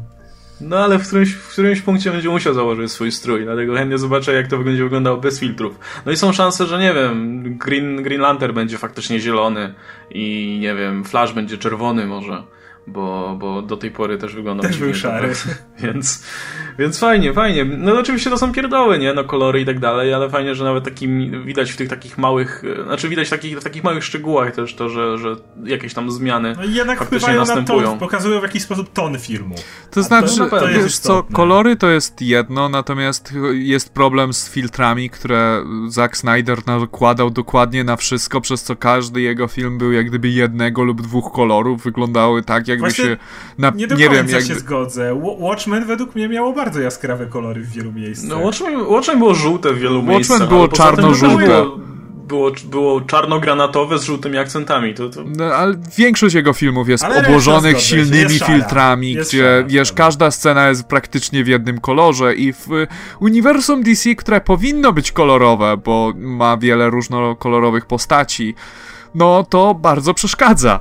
I jeszcze chciałbym powiedzieć o tym, że te stroje to są ikony popkultury już same w sobie, więc po prostu usuwanie z nich koloru to jak gdyby zmniejsza przyjemność z oglądania całości. Zresztą przypomnijcie sobie, jak pierwszy raz widzieliście Avengers i mieliśmy tą scenę, jak kamera dookoła wszystkich bohaterów kręci się i możemy zobaczyć wszystkich w ich ikonicznych strojach i Hawkeye'a. I zobaczyć, no to... jak wszyscy, wszystkie nerdy w kinie się ślinią. Właśnie. Wiesz, ja nawet nie byłem, nie, nie, jestem wielkim fanem Marvela, a po prostu byłem tak zarąbiście podjarany tym, tak bardzo się cieszyłem. Miałem wrażenie, że wyskoczę z fotela. I tego mi brakuje w filmowym uniwersum DC, a te postacie są mi dużo bliższe, co mnie, mnie osobiście boli. Ja, no, Hal Jordan miał dobrze jaskrawy, kolorowiutki taki kostium o, no, ostatnio. Bardziej od swojej twarzy. Tak. tak ci walił pastelką po oczach, że nie masz na co narzekać. Nie, ale strasznie fajnie, że po prostu masz bohaterkę taką jak Wonder Woman, dajesz jej jaskrawo, czerwono, złoto, niebieski strój i jest wszystko ok, wiesz, bo możesz, bo dzisiaj już możesz po prostu oddać praktycznie każdy kostium na ekranie, nikomu to nie przeszkadza, każdy jest do tego przyzwyczajony. I, i bardzo dobrze, kurczę. Ja pamiętam w ogóle jeszcze, jak były pierwsze na przykład trailery, nie wiem, Kapitana Ameryki, i oglądam ten trailer i widzę go w tym stroju mówię, aha, ale beka w ogóle, kto to będzie oglądał, nie? W ogóle w tym głupim stroju. I kurczę, minęło parę lat i nikomu już to nie przeszkadza, wszyscy się przyzwyczaili. Tym bardziej, że te stroje robią teraz tak, że one wyglądają w miarę spoko, w sensie e, w sensie odkryli chyba, jak robić stroje o takiej fakturze, żeby nie wyglądały, nie wiem, plastikowo albo lateksowo, że, że wyglądają faktycznie w miarę realnie. To znaczy zrezygnowali z prawdziwego lateksu i no to, takiego, tak, nie wiem, jak jest po polsku spandex? Po prostu spandex? Spandex spandex. Okej, okay, dobra, no i po prostu spandexu, bo jak E, mówiliśmy o tym kiedyś, ale to, to jest taka stara technika rysowania postaci, że rysuje się je praktycznie no, tak, tak. nago i na to, na to nagi, nagie ciało się rysuje kostium. I tego nie koloruje możesz... Się skórę. Koloruje się skórę. I nie możesz, bo nie ma na ziemi takiego materiału, który by idealnie oddał każdy mięsień. I e, jak gdyby nie da się tego dobrze oddać w filmie. I próbowali to zrobić przez spandex, przez latex, przez jakieś zajebiście obcisłe stroje, które nigdy nie były wystarczająco obcisłe i wyglądały strasznie głupio. Albo, albo co gorsze, same stroje miały, same stroje miały mięśnie wyrzeźbione. Tak, tak co, jak, jak ten flash serialowy za 90 tak. takie mięśnie. No chyba, że wyglądasz jak Christopher Reeve, to wtedy możesz po prostu naciągnąć lateks na siebie i wygląda zajebiście jakimś cudem. To tak, to się zdarzało, ale generalnie no no, ten y, kostium Batmana, który nosił. Czemu wypadło mi nazwisko pierwszego Batmana z głowy? Michael Keaton, który miał kostium, w którym nie mógł skręcać szyją. Bo ta, ta, ta, była, ta była taka sztywna faktura po prostu, która nie pozwalała. Guma, no. no ale to jest też najlepsze, że właśnie używali tego stroju, żeby zapomnieć o Adamie Westie, który z kolei miał bardzo, z, z, wiesz, z materiału zrobiony strój. Tak. Z tym, że Adam West nie był, wiesz, y, Christopherem Reevesem. Mia miał lekki brzuszek i to jak gdyby też było widać na tym super obcisłym stroju, a nie idealną muskulaturę superbohatera. Okej, okay. no. no to w takim razie, jeśli nie mamy żadnych kolejnych breaking newsów, które nam zniszczą dzieciństwo, to o czym jeszcze wspomnieć? Aha, jeszcze mieliśmy, jeszcze przed samym Comic-Conem mieliśmy trailer ostateczny do Suicide Squad i który był, co, co jest dosyć dziwne e, i ciekawe jednocześnie, ukierunkowany powiedzmy na pokazanie nam w większym zakresie Amandy Waller i Rika Flaga, tak? Dobrze pamiętam. E, więc e, no, myślę, że tutaj nie ma wiele do dodania, szczerze mówiąc, poza tym, że Amanda Waller wygląda fajnie w tym filmie i faktycznie aktorka zdecydowanie pasuje do tej roli, e, do tej takiej zimnokrwistej po prostu odpowiedniczki Nika Fury'ego, tylko że jeszcze bardziej po prostu odpychającej. Natomiast cała reszta wygląda spoko, no plus były jeszcze te takie krótkie materiały dotyczące wszystkich innych postaci. Jeśli więc ktoś jest tutaj, nie może się doczekać filmu, to może sobie zerknąć na to. Natomiast powiem wam szczerze, że przez to, jaką posłuchę mamy w kinach generalnie w to lato, to, to czekam coraz bardziej na Suicide Squad, bo nie wiem, może to te, te trailery, może to ta muzyka Queen, ale im bliżej premiery, tym mam coraz większe oczekiwania. To znaczy, coraz, nastawiam się na coraz lepszy seans, o, w tym sensie. Być może, być może faktycznie wyjdzie z tego dobre kino. Chciałbym bardzo, bo no przydałby się jakiś wysokobudżetowy, fajny film w te wakacje, bo za dużo ich niestety nie mamy. A ja mam do was pytanie o Jokera. Czy zmienił się jakikolwiek wasz pogląd na temat tej e, interpretacji postaci? Nie, jest, ja, ja, cały czas się zastanawiam tylko, czy faktycznie Joker będzie w filmie, czy być może tak jak to mówi, mówiło parę osób, że on będzie tylko w retrospekcjach. Będzie w filmie. Mm, wystarczyło zobaczyć ten trailer z Harley Quinn kiedy ona jedzie windą i dostaje SMS-a od Jokera, jestem w pobliżu i robi takie o i w tym momencie rozwala gościa, w windzie drzwi się otwierają i reszta Suicide Squad już na nią, na nią czeka. Czyli już ewidentnie to jest gdzieś w środku akcji. Także na pewno Joker będzie w, w ciągu, w ciągu samej akcji się pojawi. A ja dalej kupuję Jokera jako let. Leto Jokera dalej kupuję. I wcześniej kupowałem i dalej kupuję. To się jakby nie zmieniło. Mnie ja mi, mnie leto przeszkadza. Ja nie będę się z tym kryć, bo ten uśmiech kompletnie nie wygląda na Jokera. Po prostu nie, wygląda jak jakiś ćpun, który się przebrał za Jokera. I będę dalej trzymać się tej no wersji. To jest, wiesz, no bo to jest Jason Todd, no dlatego. Aha, okej. Okay. nie, nie jest. Nie, no jestem ciekaw. Ja, ja mam bardziej w sumie niż, niż, e, niż miał, mam jakąkolwiek opinię, to jestem po prostu strasznie ciekaw, jak to wypadnie, bo, bo w zasadzie właśnie niewiele mogę powiedzieć o tym Jokerze, bo był, jest, jest parę tych scenek, ale mam nadzieję przynajmniej, że no nie pokazują nam wszystkiego, że jeszcze coś tam się kryje, e, jeszcze jakieś ciekawsze backstory, czy, czy jakieś szczegóły, które może trochę zmienią postrzeganie, natomiast no tych scenkach wygląda spoko, no wygląda jak faktycznie jak ten Joker u Morrisona, e, ostatnio sobie właśnie odświeżałem te Batman Rip, chyba on się tam pojawiał tak. w większym zakresie, nie? Z tego co pamiętam. E, i, I faktycznie no, to jest najbliższa chyba interpretacja, e, znaczy to jest najbliższe komiksowe wydanie Jokera, które, które przypomina to, to z filmu, czy raczej odwrotnie. I, i chętnie takiego zobaczę. No, na pewno muszą zrobić coś innego niż, niż przy poprzednich wcieleniach Jokera, więc myślę, że to jest kierunek, który, który byłby warty eksploracji. Taki Joker, który jest przerażający, dlatego że faktycznie jest straszny i może ci coś zrobić strasznego. Ale nie sądzę, żeby to był mój ulubiony Joker, bo jednak ja, ja, ja wolę takie trochę bardziej komediowe, ja tak bardziej, bardziej sceniczne wydanie. Ja, ja najbardziej lubię tego nieprzewidywalnego Jokera. Już podkreślałem to wiele razy, jak gadaliśmy jakoś o Jokerze. Ja najbardziej lubię tego Jokera, który, który jest tak kompletnie nieprzewidywalny, że nawet nie jesteś pewien, czy on chce cię zabić. Może, ale może nie. Może coś, coś innego będzie śmieszniejsze i, dokładnie, i zrobi to. Dokładnie. Ale to, jest, to jest mój ulubiony Joker. Ja chcę jedną rzecz powiedzieć, dlatego że wspomniałeś o Jokerze Morrisona i to jest bardzo interesujące, dlatego że e, Jared Leto przyznał się, że poszedł po inspirację do Granta Morrisona i Grant Morrison konsultował z nim, jak ta postać miałaby wyglądać i Morrison stworzył bardzo specyficznego Jokera, dlatego że jego Joker był w, jego, w Batman Rip był oczywiście tym przerażającym potworem sadystą, ale Joker wprowadził taką rzecz do. Yy, przepraszam, Morrison wprowadził taką rzecz do Jokera, że jego osobowość regularnie się zmienia. Raz na jakiś czas po prostu Joker ma taki yy, mentalne załamanie i rodzi się na nowo i może się odrodzić zabawnym klaunem, który, wiesz, jest w gruncie rzeczy nieszkodliwy i tylko rabuje banki dla beki, a tak naprawdę nikogo nie zabija, a może się odrodzić jako masowy morderca, który jest jeszcze gorszy do tej, najgorszy do tej pory z wszystkich jego wersji, więc jestem ciekaw, czy takie coś będzie zaadaptowane do filmowego uniwersum DC, że będziemy mieć w tym filmie takiego Jokera, ale w następnym filmie może być troszeczkę inny. Nadal będzie go grać Jared Leto, ale konwencja może być inna. Co o tym ja myślicie? Myślę, że to byłby po prostu, to byłby idealny po prostu wytrych dla scenarzystów, żeby robić cały czas coś ciekawego z Jokerem. Także gdyby to zaadaptowali, to myślę, że to otwiera ogromne możliwości, więc ja byłbym, byłbym bardzo za. Ale czy pójdą w tym kierunku, to szczerze mówiąc nie chcę mi się wierzyć. To zbyt dobrze to brzmi, szczerze mówiąc, żeby mógł się tego spodziewać. Co chciałbym powiedzieć o Suicide Squad, to bardzo podobał mi się ten opis, to chyba reżysera, czyli Davida Ayera, Era, yy, który mówił o Batmanie, że wreszcie zobaczymy pierwszy raz w historii jakichkolwiek filmów Batmana zobaczymy film, który pokazuje Batmana z innej perspektywy. Ja zawsze zarzucałem to wszystkim adaptacjom Batmana i niektóre lubię bardziej, niektóre mniej, ale żadna do tej pory nie przedstawiła mi Batmana tak, jakbym chciał, ponieważ według mnie zawsze widz był zbyt blisko Batmana. Ba zawsze widzieliśmy dokładnie, jak Batman układa wszystkie plany, przez co Batman nigdy nie mógł nas zaskoczyć swoją inteligencją. Jakby nigdy nie miał tego swojego asa w rękawie, bo zawsze widzieliśmy, kiedy go przygotowywał, więc to on musiał być zaskoczony, żeby jakoś fabuła poszła.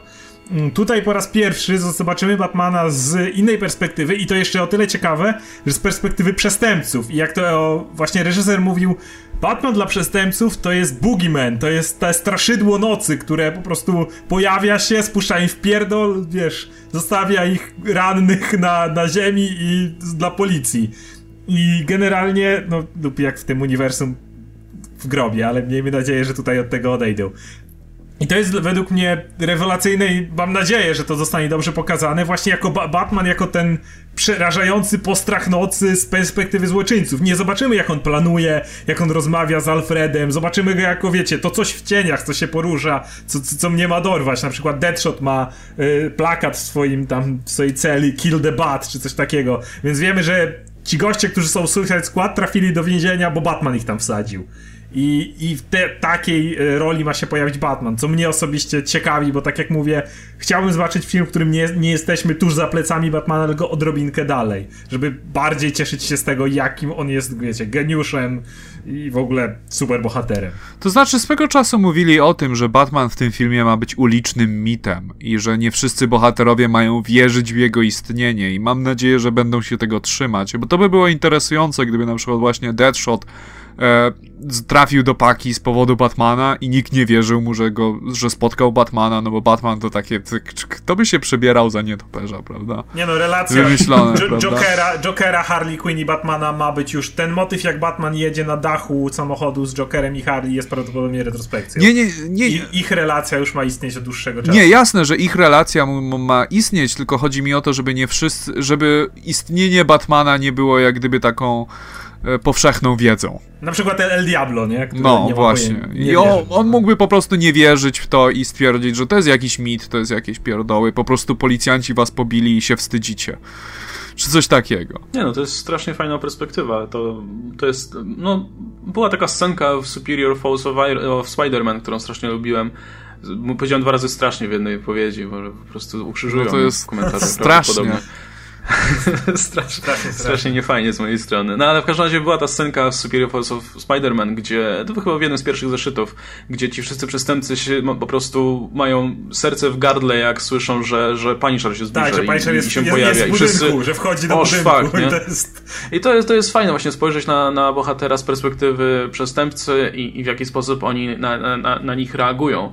I to zresztą też w kontekście innych bohaterów też bym chętnie zobaczył, jeśli, jeśli e, powiedzmy to się okaże sukcesem i będzie więcej filmów e, dotyczących właśnie tej ciemniejszej strony, bo myślę, że, że, są, szans, że są szanse na to, że Suicide Squad się okaże sukcesem i wtedy być może pączkują właśnie sequele albo jakieś inne filmy dotyczące właśnie przestępców albo antybohaterów, że będziemy mogli też spojrzeć na innych bohaterów, bo to faktycznie jest bardzo, bardzo ciekawa perspektywa, żeby zobaczyć jak się czują, no nie wiem, jacyś tacy e, właśnie pomniejsi no, przeciwnicy, no, którzy przypadkiem. El Diablo. Tak, którzy, nie wiem, przypadkiem trafiają nagle na, nie wiem, y, Supermana albo kogoś. No wiadomo, że oni się tam na co dzień nie zajmują tutaj pomniejszymi przestępcami, ale gdyby, albo jak, jak ich widzą. W ogóle ja, ja bym chętnie zobaczył film, który by patrzył na bohaterów właśnie z tej dolnej perspektywy, od dołu, wiesz, wiecie, z perspektywy ulicy.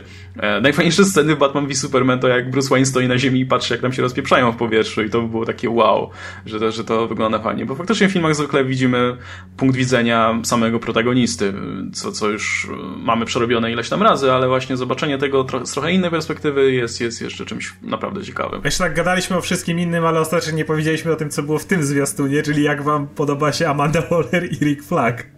A, no ja już mówiłem, że mi się podoba. Rick Flag, nie wiem, przemknął mi w tym zwiastunie po prostu, o, jestem żołnierzem i w ogóle, i fakt mamy cię gdzieś, ale Amanda wygląda, wyglądała bardzo, bardzo, przypominała na pewno bardzo ten z komiksu. Trochę ciężko coś powiedzieć o Amandzie Waller, dlatego, że ona jest postacią, która nie jest szczególnie wokalna, nie jest szczególnie ekspresywna i no, w tym zwiastunie wychodzi troszeczkę drewnianie na tle, te, wiesz, tych wszystkich kolorowych postaci, muzyki Queen i tak dalej i nie jestem, nie mam jeszcze w pełni uformowanego zdania, aczkolwiek aczkolwiek wygląda idealnie.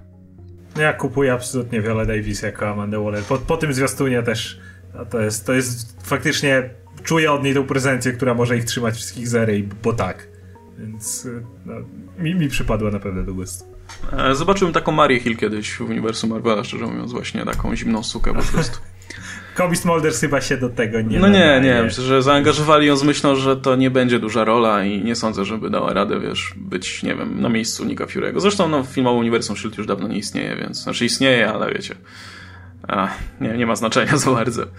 No Boże, e, natomiast na Comic, na comic Book Resources no właśnie. wrzucili ten gówno Batman i Barbarą. O nie, to musimy się rozpieszać i opublikować.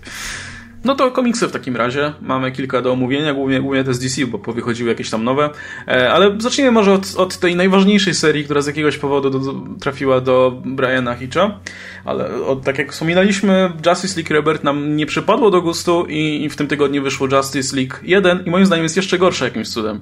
Więc e, w zasadzie jest może nie tyle gorsze, co jest jeszcze śmieszniejsze niż poprzedni komiks, bo Brian Hitch za cholerę nie potrafi pisać dialogów takich, tak jak mówią ludzie, albo nawet nie, nie ludzie, bo to, to jest wyższa szkoła jazdy, żeby pisać dialogi tak jak mówią ludzie, ale on nie pisze dialogów nawet jak mówią postacie fikcyjne. Te dialogi są po prostu wzięte żywcem za 60. Każdy mówiąc cokolwiek w tym komiksie przekazuje jakąś informację i to nie jest tak, że on przekazuje informacje przy okazji, on przekazuje informacje, a przy okazji Brian Hitch tu pisze, jakby to był niby dialog. Wszyscy mówią coś na zasadzie, no właśnie robię to i to, albo sytuacja jest taka i taka. I, i to jest po prostu, jakby, jakbym wyobrażał sobie przeszkolaka, który próbuje napisać komiks i jednocześnie zawrzeć informacje jakieś w tych dialogach. To jest tragiczne. A sama, sama fabuła jest taka, że no coś zaatakowało świat i, i Liga Sprawiedliwości bije się na pięści i potem wychodzą zombie. I w sumie tyle chyba, nie? Nic nie ominąłem. A Batman nie ufa Supermanowi. Coś nowego. ale, ale, ale Cyborg mówi, nie, słuchaj, on ratuje ludzi, jestem super fanem teraz. A Batman, hmm, okej. Okay. Flash jest szybki, a Superman heroiczny, a A Wonder Woman mówi, że ludzie sprowadzili na świat tyle nieszczęść, ale i tak wam wypierdolę. To czekaj, to, to znaczy troszeczkę pominąłeś ten dialog z Cyborgiem, bo to było jeszcze głupsze, bo to było... A, jeszcze Cyborg jest faktycznie. Bo było, było właśnie coś takiego, że o, Batman, Superman jest tak zajebisty, ratuje ludzi, lata, kocham go. I, już Batman, no dobrze, spoko, a teraz czy mógłbyś prześledzić, skąd przyszły, przyszli ci kosmici? A on mówi, nie, nie, muszę patrzeć na Supermana, bo on dalej ratuje ludzi. I tak, okej. Okay. I koniec dialogu, wiesz, więc... Nie wiem, jak kto to pisze? Jak, jak, ale nawet, te dialogi ale... są tak głupie, że ja dzisiaj starałem się zrobić screen i wrzucić na fanpage, ale nie wiedziałem co zascreenować, bo one wszystkie są takie i one nie są głupie w taki sposób, że widzisz je i się śmiejesz, jak masz wyrwany z kontekstu, ale jak czytasz ten komiks, to się orientujesz, że no nikt tak nie rozmawia, nikt tak nie mówi. No, to, to się zaczyna od jestem Diana, księżniczka Amazonek, Wonder Woman. Niektórzy nazywają mnie bohaterką. No kurde, kto tak mówi? Po co? Kupujcie po co moją serię. Nie, ale to jest, to jest jak z lat 60., kiedy było, wiesz, używając swojej niesamowitej siły, Hulk no tak, wykonuje tak, tak, wielki skok, aby, nie wiem, zatrzymać rozpędzonego byka. Tylko, że wiesz, w latach 60. robili to dlatego, że jakość druku Druk była marny, taka tak. marna, że nie byli pewni, czy to będzie widać na tak. kadrze. Więc musieli to na wszelki wypadek i stwierdził, że będzie Przeglądam sobie te dialogi cały czas teraz i, i po prostu no nie mogę wyjść z podziwu, jakim cudem ktoś pisze coś takiego i edytor to widzi i, i nikt tego, wiesz, nie poprawia. No. Masz, ma, masz tę scenkę na przykład, gdzie się po raz pierwszy pojawiają w tym komiksie Jessica Cruz i Simon Bass i Jessica mówi y, Simon, to wygląda jak w ogóle koniec świata. Nie wiem, czy możemy w ogóle temu podołać. A on mówi, nie brać się Jessica, E, tu jest milion ludzi do uratowania. No, no kurde, przecież widzę, nie? No, nie, nie naprawdę nie musicie o tym mówić. Albo e, jesteśmy zielonymi latarniami, to jest nasza praca. Och, jak mi szkoda, że nie mogę jeszcze robić konstruktów. O, nie martw się, ja robię konstrukty. No, tak. to, to, jest, ale kurde, no serio, to wyglądało po prostu, jakby ktoś się uczył pisać komiks. A to jest, jakby nie patrzeć, to jest najważniejsza seria, no, w DC, no Justice League. No jedna I... z najważniejszych w każdym No, ale razie. no wiesz, no jednak Liga Sprawiedliwości, no i, i, i czy, no nie wiem, no i znowu mamy te robaki. Ale wiesz, wiem, co, Hitch, ma z tymi robakami. Hitch lepsze rzeczy pisał niż to i to jest też dziwne, dlatego że jeżeli przeczytasz to JLA jego, no właśnie, to nie było takie JLA, złe. To, to nie było aż tak złe. A tutaj, kurde, jest wątek, że jakieś robale zaatakowały Ziemię, więc Liga Sprawiedliwości na ratunek. No wow, jak oryginalnie. No. To się nigdy nie wydarzyło wcześniej. I jeszcze ci kosmici e, kontrolują umysły ludzi. Wiesz, jak Starro, jak pierwszy przeciwnik Ligi Sprawiedliwości kiedykolwiek. No nie wiem. Nie jestem przekonany, szczerze mówiąc. Ech, no, nie jestem przekonany, to jest takie naprawdę delikatne stwierdzenie. To wygląda, ja powiem szczerze, że ja będę śledził tę serię tylko dlatego, żeby zobaczyć, czy dalej jest tak zła i, i śmieszna, no bo to, to miałem naprawdę bekę podczas czytania tego. E, i, I aż chyba z ciekawości sprawdzę to całe JLA, bo, bo nie wiem, może tam widać jakieś po prostu sygnały, że będzie źle. Ale no, oddać, oddać swoją jedną z ważniejszych serii komuś, kto nie potrafi pisać dialogów, to jest dopiero niezłe.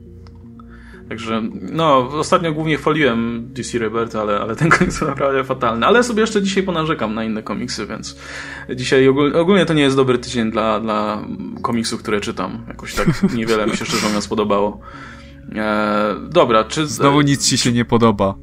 Znowu nic mi się nie podoba. Nie, no może nie nic, ale, ale akurat to te propozycje z DC mi się nie podobają w tym tygodniu. Trochę naprawdę żałuję. E, dobra, czy mamy coś do dodania jeszcze o tym pożasie Boże Justice League? Nie. Chyba nie. no to dobra, to przejdźmy sobie do jednego z dwóch rebertowych tytułów, czyli Bad, Batgirl and the Birds of Prey który jest w zasadzie historią o tym, jak to Barbara Gordon została Oracle. Co ma sens, biorąc pod uwagę, że komiks opowiada też o tym, znaczy zaczyna taki story arc, gdzie jest pewna zła Oracle, która ma dostęp do wszystkich tych informacji i no i oczywiście Batgirl zbiera ekipę Birds of Prey, żeby, znaczy zbiera ekipę, no zbiera Dina tylko, nie? Bo, i, i stwierdzają, że chcą e, powstrzymać tą Oracle, a w międzyczasie jeszcze się Helena Bartinelli, jak się nazywa? Bartinelli? Be Bertinelli. Bertinelli pojawia, czyli Huntress, no i jak można się domyślić, prawdopodobnie szybko zaczną współpracować. No i tak to się będzie ta seria toczyć. To bardziej by, oczywiście ten wątek z retrospekcją całych wszystkich losów, e, znaczy wszystkich tych losów Barbary, no faktycznie pasuje do Rebirth, ale cała reszta trochę się czytała jak pierwszy zeszyt, co myślę, że jest dobrą rzeczą. No nie wiem, ja nie jestem jakimś wielkim fanem Birds of Prey. Batgirl czytam w zasadzie więcej tylko od tego nowego ranu poprzedniego Stewarta i Fletchera i Babstar. I jako z tej perspektywy mi się nawet podobało. A jak ty, Adam, sądzisz? Bo ty masz chyba większe pojęcie o tej postaci. Mi bardzo się podobało. Ten zeszyt robił dokładnie wszystko, co powinien, czyli przedstawił wszystkich bohaterów, przedstawił, zawiązał intrygę i zapowiedział, co będzie później. I to właściwie to właściwie tyle, ale nie potrzebujesz więcej na taki pierwszy zeszyt, który zaczyna dopiero historię. Podoba mi się to, że związali całą historię z Graysonem, dlatego że to jest ta sama baza superbohaterów, która tam grała dużą rolę. E, podoba, no oczywiście Helena też jest związana z Graysonem. E, I tak, podoba mi się cały powrót. Jedno, co mi się nie podoba, to kreska. Claire... No tak. Rysowała to Claire Roy, Roe, nie jestem pewien jak to się czyta. I ta kreska z się jest okropna. Ma problemy z twarzami, okropne. Z, z twarzami, z mięśniami, z, wiesz, z pozycją bohaterów, jak gdyby dynamiczną. Wygląda to okropnie, po prostu nie da się tego bronić. Ilekroć jakaś postać jest w cieniu, wygląda jakby została oblana kwasem. E, Batgirl na początku tego, na początku tego zeszytu wygląda jakby miała jakoś absurdalnie umięśnione nogi jak, wiesz, może sobie, może sobie rekompensuje lata, kiedy nie miała sprawnych nóg i teraz jest taką Chan-Li uniwersum DC. No nie wiem, jakoś nie, kreska mi się nie podobała. Natomiast sama historia jest ok i po prostu to jest, to jest tylko tyle. Y, zapowiada powrót starych wątków i jak gdyby starego klimatu Batgirl, ale tego sprzed New 52, takiego starego, starego. Więc myślę, że wielu starych, długo długotrwałych fanów Badger będzie zadowolonych mimo wszystko. Oskar, ty to czytałeś, czy nie? Nie, nie, te, tego akurat nie czytałem. To jakoś po tym pierwszym Batgirl w ogóle nie interesowała mnie ta postać. A nie wiem, jeżeli Birds of Prey mówicie, że jest warte sprawdzenia, to sprawdzę, ale, ale póki co jakoś mam. A teraz będę miał jeszcze większy wstręt, i, y, że tak powiem, unikanie Barbary po y, Killing Joke, więc. Ale nie przejmuj się, nie ma Zapewniam Batmana. Cię, że, zapewniam cię, że ta Barbara by nic w tym stylu raczej nie zrobiła. E, ale no, myślę, że seria bardziej jednak dla fanów tych e, poprzednich losów bohaterek niż, niż chociaż no oczywiście nowi, nowi czytelnicy też mogą skoczyć, tym bardziej jeśli mają tutaj całą historię Barbary opisaną, ale myślę, że nie będą aż tak się przejmować tymi postaciami jak ci starsi fani. E, no, no jeśli, jeśli już jesteśmy przy DC, no to omówmy tutaj standardową parę bohaterów, czyli Batmana i Supermana, bo pojawi się trzecie zeszyty. E, I to jest o tyle ciekawe, że tak jak poprzednio bardzo mi się podobał Superman, a Batman niekoniecznie, tak teraz mam zupełnie odwrotnie. Zeszyt Batmana mi się podobał, bo był, dotyczył wreszcie tej parki Gotham i Gotham Girl i pokazano jej genezę, która jest takim odbiciem trochę historii Batmana, tylko że tutaj Batman się w którymś momencie wkrada i, i powstrzymuje, powiedzmy, przestępcę w Crime Alley, albo jakimś odpowiednim E, w związku z czym ta parka ma potem obsesję na punkcie właśnie pomagania ale, ale, ale taką właśnie zdrową obsesję. To jest tak, bardzo tak, fajnie napisane, tak, że... może, może to źle zabrzmiało, tak, ale to jest właśnie... Nie, to, to jest tak, obsesja, ale, jak, ale taka innego rodzaju, bo zawsze jak takich historii była masa. Wiecie, Batman wkroczył, pomógł, czy tam inny bohater wkroczył, pomógł komuś i wtedy ten bohater stwierdza, że, że, ta postać to jest najlepszy człowiek na świecie i teraz będę jak on i gdzieś w którymś momencie to, to się skręca w superwilana. Zawsze. Zawsze coś się dzieje nie tak i ta postać nagle staje superwilanem, bo opacznie rozumie to, to ten cały motyw. No albo obsesja prowadzi do, do tego, a nie innego. A właśnie w przypadku Gotham, Gotham Girl to zostało naprawdę, uważam, fajnie zbudowane. I Jeszcze się wstrzymaj, bo ja jestem prawie tak. pewien, że oni skończą jako super złoczyńcy. Możliwe, ale... Znaczy, no ale... wiadomo, że skończą z jakąś kontrolą umysłu i tak, tak dalej. ale no, bez tego jakby ich sama motywacja była w jakiś sposób czysta, chociaż wynikająca z pewnej obsesji. Akurat znaczy, mi się to podobało.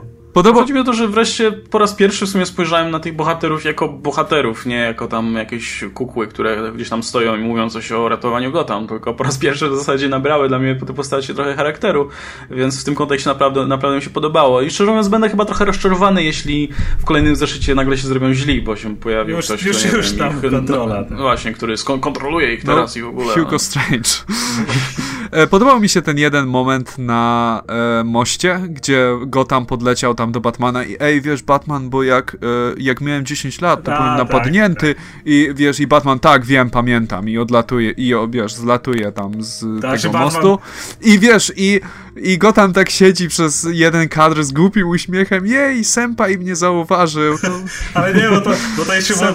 Batman to oczywiście zrobił w sposób cool, bo to nie było tak, że tylko, o, cieszę się, bo tam Batman jak go uratował, to mu powiedział, że o, boisz się, ale w przyszłości możesz zrobić coś dobrego ze swoim strachem i potem właśnie na moście.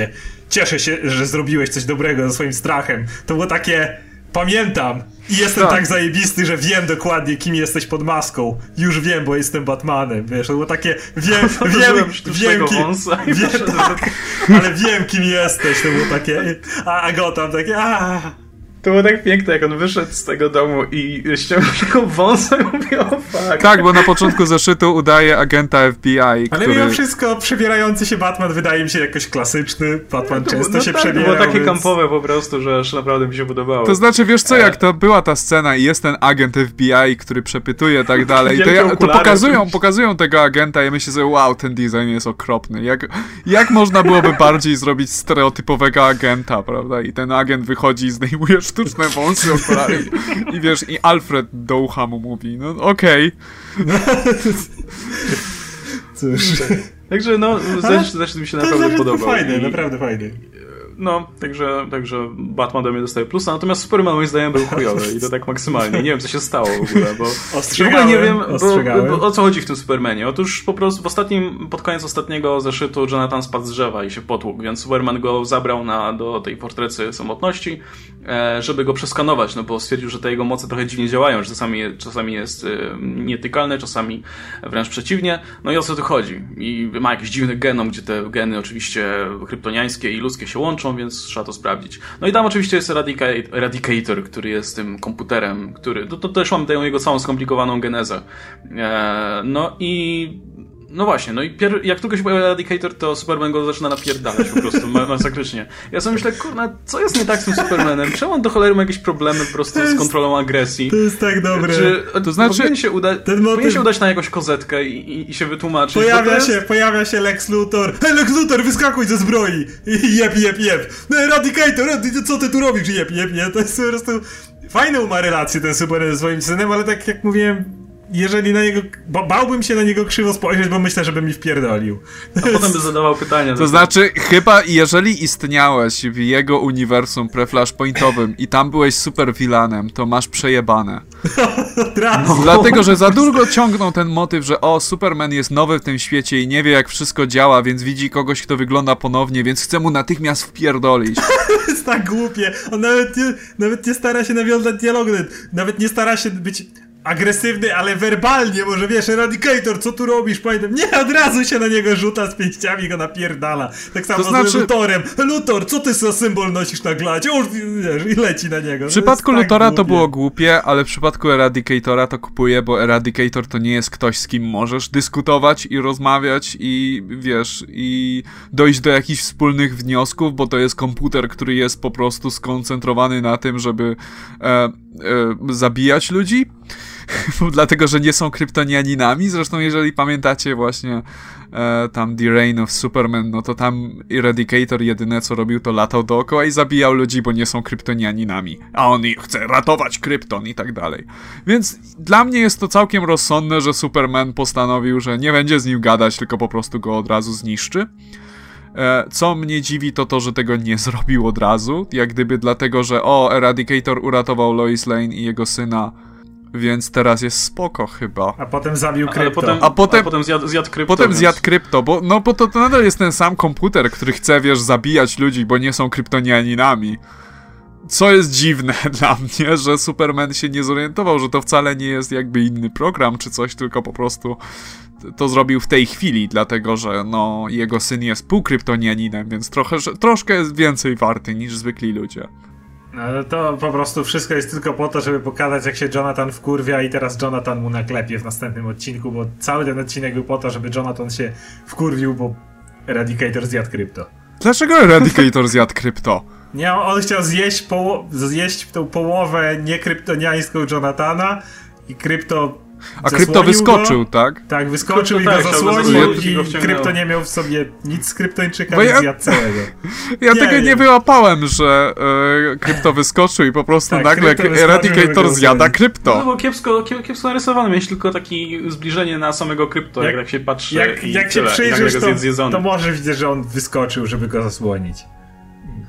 No ale tak czy siak, ja ogólnie wiesz, no to na, je, nawet można by argumentować, że to ma jakiś sens, ale nie wiem, jakoś nie, nie, nie, nie chcę mi się czytać o Supermanie, który pierwsze co robi to napierdala. każdego, tak.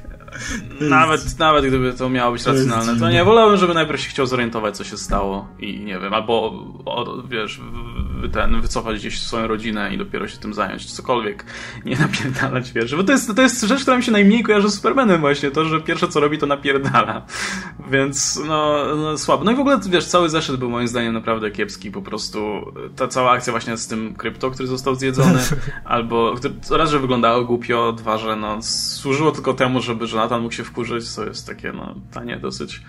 E, no i no, niewiele, niewiele się działo też poza tym, że został zjedzony krypto. Więc... Znaczy nie wiem dlaczego rzucają Supermanowi takich przeciwników, e, którzy, których właśnie nie może obezwładnić jednym ruchem. Jak właśnie pojawił się wcześniej Doomsday, teraz się pojawił Eradicator. Eradicator to jest okropny super złoczyńca. To jest okropna postać. Nie powinniście do niej wracać. Dlaczego? Nikt nie lubił Eradicatora w tej formie z lat 90. Czy znasz, Oskar, kogokolwiek, który wspomina, o, znaczy- pamiętacie taką postać jak Superman z okularami, który w goglach, który mordował przypadkowych ludzi? To była dopiero dobra postać. W ogóle wszyscy tak wspominają Rain. Ach, Prawda? Chciałbym jeszcze raz Rain poczytać, wiesz? Jak skończymy ten podcast, to idę czytać Rain. Dlaczego? Czy Eradicator wrócił kiedykolwiek w jakiejś innej formie po, po Reign of Superman? Tak, chyba wracał. Jeśli dobrze i to był ten sam Eradicator? Nie, nie no, wyglądał, wyglądał jak taki stereotypowy kryptonianin później. Więc już, już nie. On, on wyglądał jak Superman z goglami, dlatego że e, akurat taki materiał genetyczny znalazł w fortecy osamotnienia, więc stwierdził, że się upodobni, bo to jest obraz współczesnego kryptonianina. I włożył gogle, bo miał słaby wzrok, czy coś w tym stylu. Jak gdyby było strasznie głupie wyjaśnienie, po co ma gogle. Okej. Okay. I, no I zresztą tutaj dali to samo wyjaśnienie, że akurat ten materiał genetyczny znalazł w Fortecy Osamotnienia, więc jest Supermanem. Niech, jeśli już chcą strasznie, żeby po prostu Superman okładał pi pięściami wszystko, co się rusza, no to mają Action Comics, niech tam się realizuje i bije z Doomsdayem i tak dalej. I tam jest taki właśnie, wiecie, blockbuster w formie komiksowej. A tutaj, tutaj w tym Supermanie wolałbym jednak, żeby, żeby no, nie, nie było to aż takie e, napakowane akcją i extreme w ogóle. No i dobra, ostatnia jedynka, która nam została w zasadzie, to jest, znaczy nie, no był jeszcze Hellblazer Rebirth jeden, ale przyznam się, że nie przeczytałem. A ja czytałem i był świetny. Ja chyba, ja nie jestem fanem Hellblazera i jakoś mnie nie kupił w ogóle, więc... Też czytałem, ale nie do końca go łapię, bo nie znam No właśnie, postaci. raz, że, że nie łapię postaci, dwa, że to nie wiem, jakoś, jakoś nie, nie, nie mogą się, się, powiedzmy, no, nie, nie wciągnęło mnie specjalnie. Dobra, to słuchamy, dlaczego był fajny. E, był fajny dlatego, że to jest powrót do ery Jamie'ego Delano, jeśli chodzi o tę postać, to jest powrót do wszystkiego, co fani pamiętają z dawnych lat, tego starego, starego, starego y, Johna Konstantina. On w pewnym momencie, on w tym komiksie jak gdyby wraca do Londynu, dlatego że w Ameryce jest Trump, więc, nie, więc chujowo. Więc wraca do Londynu i tam jak gdyby walczy z, walczy z demonem, który go jak gdyby przeklął i jak gdyby odzyskuje władzę nad swoim życiem, jak gdyby. I no jest to zapowiedź, jest to dokładnie w tym samym klimacie, jaki był dawniej. Jest to zeszyt skierowany zresztą niemal wyłącznie dla starych fanów, którzy porzucili Konstantina w czasach New 52 dlatego że prawie w ogóle chyba się nie odnosi do New 52, z tego co czytałem. Z tego co pamiętam, kojarzę tę postać, bo też porzuciłem tę postać, kiedy, w, kiedy się pojawiła w New 52. I tak, zapowiada się świetnie, aczkolwiek e, wam bym radził sięgnąć po jedynkę następną, ta, która będzie, bo ona będzie prawdopodobnie takim już czystym startem, dlatego że ten zeszyt ma po prostu zamknąć wszystkie niedokończone interesy. Nie no, to, to faktycznie to jest taka myśl przewodnia chyba większości tych zeszytów Zybert, że one są bardziej dla starych fanów, żeby oni się odnaleźli w nowej serii niż, niż, niż właśnie typowo dla nowych, żeby po prostu po, nie wiem...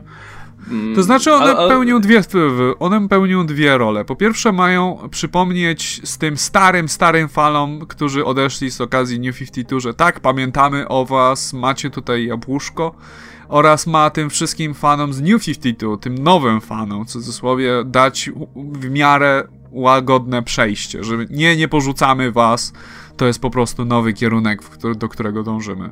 I tutaj to jest jak gdyby ładnie umiejscowione, bo się odnosi do dwóch tych serii. No spoko. W takim razie jedynkę może jeszcze sprawdzę, bo mówię, to jakoś tutaj niewiele nie mogłem się odnaleźć za bardzo w tym komiksie.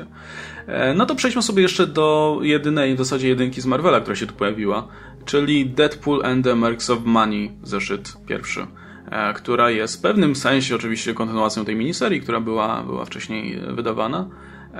No i opowiada oczywiście o Deadpoolu i tej jego ekipie, którą poznaliśmy w, w All New All Different Marvel, na którą składają się ci wszyscy po prostu celisterzy z slapstickiem solo. Kto tam Full killer! Full killer. Lubieniec. I, Ma i masakry i tak dalej. No to wszystkie, wszystkimi postaciami, które fajnie, całkiem nieźle grają właśnie jako drużyna. I głównie dlatego, że są do siebie tak podobni z racji tego, że no długo nie istnieli za bardzo w Marvelu. E, w tym uniwersum Marvela pojawiali się dużo wcześniej. No i ten pierwszy zeszyt to, to jest, jest o tyle ciekawe, że poznajemy tutaj dwie nowe postacie, które będą odgrywać rolę w tej serii, czego możemy się spodziewać po okładce, która jakiś czas temu została opublikowana, czy raczej grafice po prostu. Mm, po pierwsze jest to e, Domino, która, jest, która pewnie jest znana większości z Was, która jest mutantką i, ma tę dziwną moc, której, którą, którą mało kto potrafi wyjaśnić, która po prostu polega na zwiększaniu prawdopodobieństwa. Ma szczęście tyle. No ma szczęście po prostu, jak strzela to trafi, jak nie trafi trafi, to się odbije od czegoś. Tak, będzie rykoszet. Tak. E, no i pojawia się niejaka teen, Negasonic Teenage Warfare. Warhead. Um, Warhead, e, która, e, która ma podobne moce jak ta z ranu Morrisona, bo przewiduje przyszłość, E, taką najbliższą przyszłość, bardzo bliską przyszłość, na razie z tego co widzieliśmy. I tam ta też miała tak, bo ona tę zagładę w Genoszy przewidziała za, za chwilę, chwilę, przed, chwilę przed tak, zagładą tak. Genoszy, także nikt się nie zdążył uratować. E, no i ona tutaj w tym komiksie o tyle, to jest o tyle fajne, że ona wykorzystuje tę moc, żeby na przykład uciec przed tytułowymi Mercurmami. Generalnie ich sklepać. Co? I tak, no klepie ich wszystkich, no bo wie, wie, wie jaki ruch za chwilę wykonają, co jest strasznie fajne. E, poza tym wygląda zupełnie inaczej na razie niż ta filmowa, aczkolwiek już mamy przesmak tego, że prawdopodobnie będzie będzie wyglądać identycznie jak ta filmowa, czyli będzie miała krótkie, krótkie ogoloną głowę, krótkie włosy e, i pewnie też zmieni styl na ten taki bardziej e, gotycki powiedzmy. Natomiast e, no jest to raczej, jest pisana bardziej jak nowa bohaterka po prostu. Znaczy tamta bohaterka nie miała charakteru w Ranie Morrisona. Ile ona miała? Trzy linie dialogowe, tak, tylko że ona też wyglądała dosyć specyficznie. No tak, no, była dosyć... zupełnie biała i miała. God, God style. Mocno. No, powiedzmy. Ja myślę, że po prostu będą udawać, że tamta nigdy nie istniała i będą pisać tą zupełnie od nowa. I myślę, że to będzie i tak najlepsze wyjście. Bo też umówmy się, ile osób pamięta Negasonic no. Teenage Warheads, nie wiem, z dwóch. No, bo Necroszy i tak nikt nie lubi. Ale, nie? ale... ale też ciekawe, że pomimo tego, że jest to jakoś nowa postać, to odnoszą się do jej mocy takich, jak wymyślił Morrison, a nie takich, no. jak były w filmie. No wiesz, może, może wprowadzą jeszcze moce filmowe, kto no, wie. Coś będzie, no ale, ale, ale jakieś nawiązanie jest to do oryginalnej Negasonic Teenage Warhead. No tak, to jest, to jest plus. No, kompromis zdrowy, powiedzmy. W każdym razie zeszedł był całkiem spoko. Czytało mi się całkiem nieźle. Chciałem, żeby tak wyglądał Deadpool, ta solowa seria, bo to było wiele ciekawsze niż to, co się tam dzieje w solowej serii aktualnie, więc no nic specjalnego na pewno, nic co bym polecał komuś jakiś super komiks, ale przeczytałem i nie, nie, nie żałuję poświęconego czasu. To jest moja najlepsza recenzja, na jaką, na jaką mnie stać w tym momencie. Mi się podoba to, że y, jest już wyraźnie zaznaczone, że Masakry jest jego najwierniejszym żołnierzem, którego nikt nie rozumie. To jest zajebiste, bo on jest po prostu, wychodzi i zaczyna gadać, oczywiście, no, ja nie znam meksykańskiego, więc nie mam pojęcia, co on mówi i jest jak Deadpool mówi I, I, I totally get what you're saying, masakr. I ty tak siedzisz, hmm, to, to fajnie Deadpool, że łapiesz co on mówi, ja nie. Y, I to jest, bo w tym nowym składzie Mercs for Money będzie właśnie Domino, Negasonic, jakiś goryl, którego nie kojarzę, Hitmonkey i, e, i, i właśnie Massacre. Massacre pozostaje z tych wszystkich no tak, najemników tak. co ma sens, bo to jest gość, który całe życie zbudował sobie wokół tego, że spotkał Deadpoola. Zresztą Massacre ma bardzo fajną historię. Yy, I, i... Ale jest po hiszpańsku, więc nie polecam. Zrobili jego wersję. Nie, wyszła jego wersja po angielsku. Wyszło po angielsku, mhm. okay. No inaczej bym nie wiedział, że ma bardzo fajną historię. nie wiem, myślałem, że z obrazku wyczytałem. w każdym razie to, to jest spoko. A, a ogólnie uwielbiam skład Mercs for Money. Trochę żałuję, że ich rozbijają na solowe serie, które pewnie donikąd nie doprowadzą. A to tutaj póki co da, dalej działają jako ekipa i dalej Full Killer rządzi, więc... No ja bym dużo chętniej po prostu dalej widział ich jako jedną ekipę, nie, nie, nie rozbijał tę serię. Dobra, tyle jeśli chodzi o najważniejsze komiksy. To teraz zróbmy sobie małą przerwę na najnowsze po prostu breaking news z San Diego Comic Con live dla was. Jak, oczywiście jak słuchacie to nie jest live, więc cały urok przepada, no ale dla nas jest live. E, trwa panel dotyczący Marvel 2.0, czyli Marvel Now 2.0, czyli mamy parę informacji o nowych seriach. E, no i co tu jest najciekawszego? Mm, mamy, wie, wiemy o tym, że, o czym będzie na przykład Occupy Avengers, co mnie ciekawi.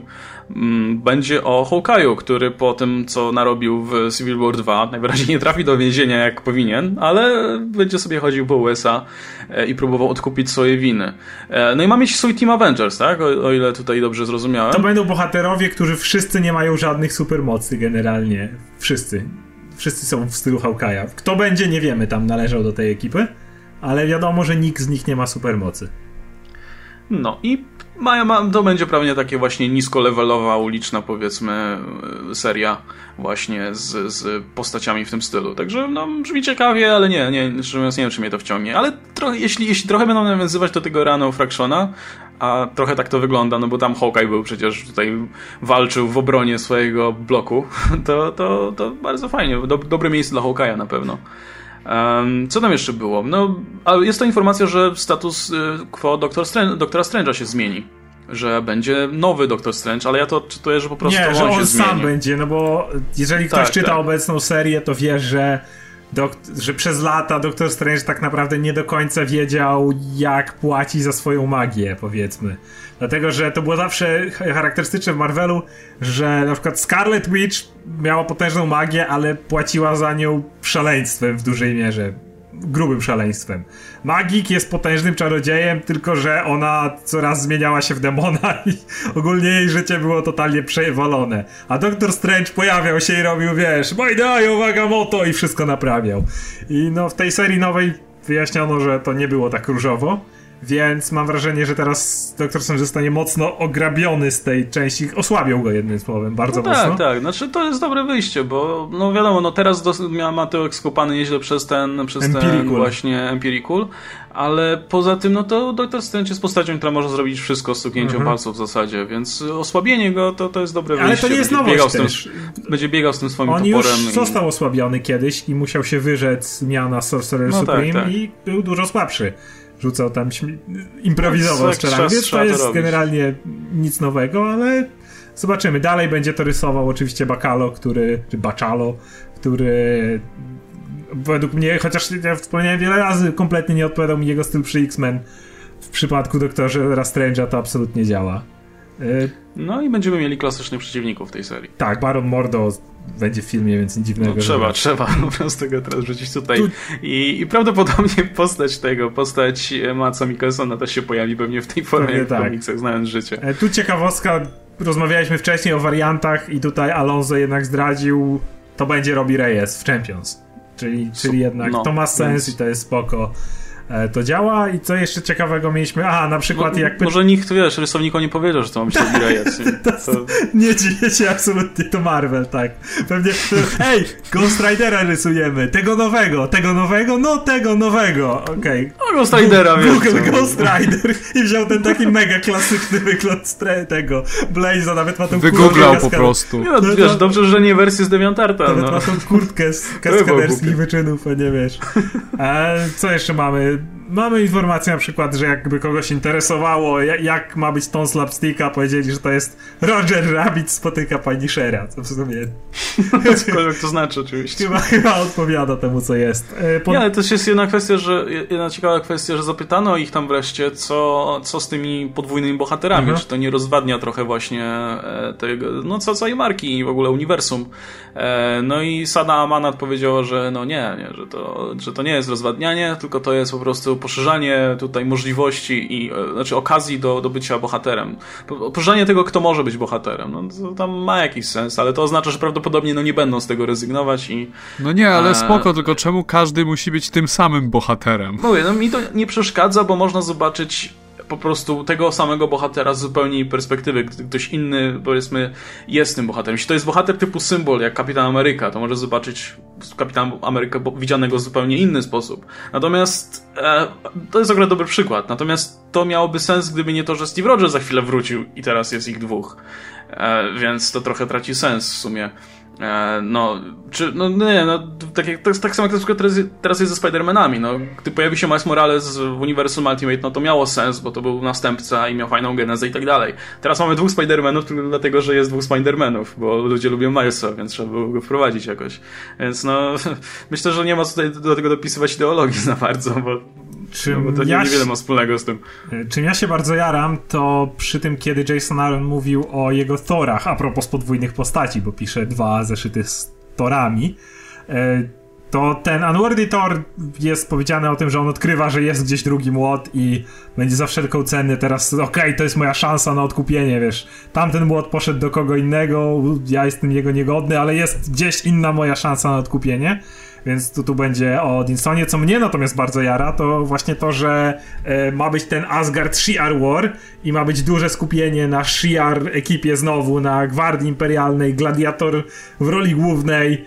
Uwielbiałem to w War of Kings, bardzo cieszy mnie, że ten zakątek kosmosu znowu jest odkurzony, Gwardia Imperialna to jest naprawdę fajna ekipa, Gladiator jest naprawdę fajną postacią i cieszę się, że to do tego wracamy i znowu gdzieś ich tam na bardziej na pierwszy plan wypychamy. Także kosmiczne wojny absolutnie. No, cieszę się, że Marvel znowu je odkurza. Jeśli, jeśli to oznacza, że Jason Aaron znowu będzie pisał Kubarka, e, Kid Gladiatora, to, to, to się jaram. Bo, Może, bo możliwe. Skoro mówił, drogą... że ma wejść, ma bardzo mocno w Shiar wejść, to czemu nie? No bo gdzie on? No chyba tam jest, nie? No bo no, gdzie indziej mógłby być. No, zapuszczał tłust, tłuste bity na imprezie u, u tego Ewana. A zresztą tak a propos, to wyszedł niedawno w Polsce ten trzeci tom Wolverine and the X-Men, ten trzeci polski tom e, dotyczący e, Hellfire Saga sagi. Hellfire. Mhm. I jest super, więc jeśli ktoś się rozczarował o tych pierwszych tomach, to warto sprawdzić, bo jest, jest A i recenzje dużo, ma dużo też, lepszy. ma dokładnie takie recenzje, wszyscy chwalą, że to najlepsze. No bo jest, jest naprawdę, to jest taki, ja, ja też jak czytałem czytałem tę serię od samego początku, to mniej więcej właśnie w okolicach tego, tej akcji w tej dżungli, z tym dogiem Loganem i, i, cyrkiem wcześniej. Ja, ja byłem trochę już tą serią zmęczony, ale właśnie z Hellfire Sagą po prostu zupełnie o tym zapomniałem, bo, no bo to było bardzo dobrze napisane. No i bardzo fajne charakterarki tam są, bardzo, bardzo sama historia jest dobra. No i są te wszystkie absurdalne postacie, typu Madbug na przykład, który jest wielkim homarem i to jest cała jego supermoc, jest po prostu homarem i tyle. E, ale, ale jest badass czasem. Także, także warto sprawdzić, tak a propos właśnie tego, jak mówimy tutaj. Ja mogę powiedzieć mały hejt na Green Arrow'a, jeśli... O, właśnie, no bo z Rebellion wychodziły jeszcze trzecie zeszyty innych serii. E, już nie mamy za bardzo miejsca, żeby je tam wszystkie omawiać i myślę, że takim trybem będziemy raczej jechać, że jak będzie coś do powiedzenia, to będziemy o tym mówić, ale regularnie będziemy raczej mówić tylko o tych najważniejszych seriach. Natomiast wyszedł sobie jeszcze właśnie Green Lantern i Green Arrow i tak dalej. No i w takim razie słuchamy, o czym byś chciał powiedzieć. No, chciałem powiedzieć o tym, jak Green Arrow się, dlatego że hej, starzy ja fani. taką sinusoidę po prostu emocji przy czytaniu tej to serii. To jest prawda, dlatego że poprzedni zeszyt mi się całkiem podobał, dlatego że wyglądało na to, że wracają do jak gdyby starego klimatu, ale wracają w taki głupi sposób, dlatego że hej, starzy fani, pamiętacie o tym, jak Oli narzekał na kapitalistyczne, tłuste ryby i wiesz, i nienawidził kapitalizmu? No to ujawniono, kto jest złoczyńcą w tej serii. Otóż złoczyńcą są super źli bankierzy z wypalonymi twarzami, którzy kontrolują, wiesz, kontrolują wszystkie finanse. Wszystkie finanse! I oni, słuchaj, wykorzystują swoje brudne pieniądze, żeby opłacać przestępczą działalność. I oni, wiesz, yy, taki Oliver Queen to nawet nie wiedział, że on opłaca cały czas wszystkich swoich złoczyńców, dlatego że jego bankier dawał im pieniądze, no. dlatego że to zwiększa koniunkturę czy coś, więc teraz Olivera Queena trzeba zabić i go zniszczyć i to jest tak głupie. I wiesz o tym, że są złoczyńcami, bo wszyscy mają wypalone twarze. Ale to jest pisane tak na serio? Tak! Tak 100% seriously. Bo to wygrało jako dowcip, mi się podobało, no, to, jak, nie jako wiem, jako z, dowcip to byłoby niezłe. Z ludźmi, ludźmi z Serpent Solutions w, w samie Wilsonie, gdzie byli źli kapitaliści w strojach węży i tak się pojawiali na zebraniach akcjonariuszy i, i mówili, że chcą wykupić tutaj i sam Wilson stawał im naprzeciw. To było zabawne, ale to znaczy, wiesz co? tego na serio zupełnie. No właśnie, to jest takie coś, że nigdy nie wiesz do końca, czy to jest na serio, czy oni tak na serio. Na ile znam tego autora, to jest na serio. Okay. I równocześnie próbują grać taki dramatyzm, że o, mamy twoją córkę, mamy tam Dinę, mamy, wykorzystamy to przeciwko tobie i wiesz, masz wrażenie, że, czyta, że czytasz albo oglądasz G.I. Joe. I to jest taki na tym poziomie, wiesz, jak, jak Cobra i tak, mu, dorwiemy cię, Oliver Queen, mu, ha, ha. To z innych serii ja chciałem jedną też w takim no, razie powiedzieć. E, to będzie nowa odcinek dziewiąty tak. Uf, już myślałem, że mi Only Wolverine zajmiesz. Nie, okay, super. wiedziałem, że to będziesz chciał, więc powiem nowa. Tam sam Aleksander się z kimś napieprza, kogo to obchodzi. Spotyka, spotyka gościa, który jest z takiej drużyny The Next y, Wave, taka stara drużyna, która nikogo nie interesowała.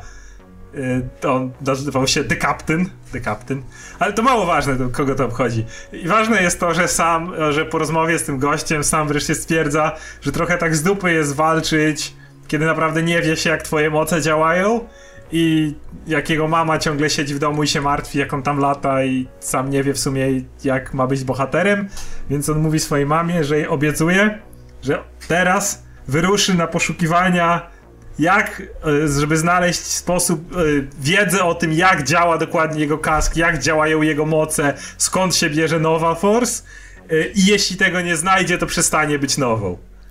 Wiesz co, podoba mi się, nie czytałem tego komiksu w ogóle, ale podoba mi się jak centralną oś zeszytu, a tam ten sam Aleksander się z kimś napieprza, whatever. Ale ten mały easter egg, który może zapowiadać Richard, y, Richarda Rydera albo nie, tak, tutaj wielkie jaranie się. Muszę o tym powiedzieć, wszyscy się muszą dowiedzieć. Mówimy o komiksie, którego, którego nikt, nikt nie obchodzi. Kogo obchodzi komiks o Samie? No, więc co, co za różnica, że się z kimś napieprza? No to się może napieprzać z kimś co tydzień, ale tu jest pewna ważna informacja zawarta.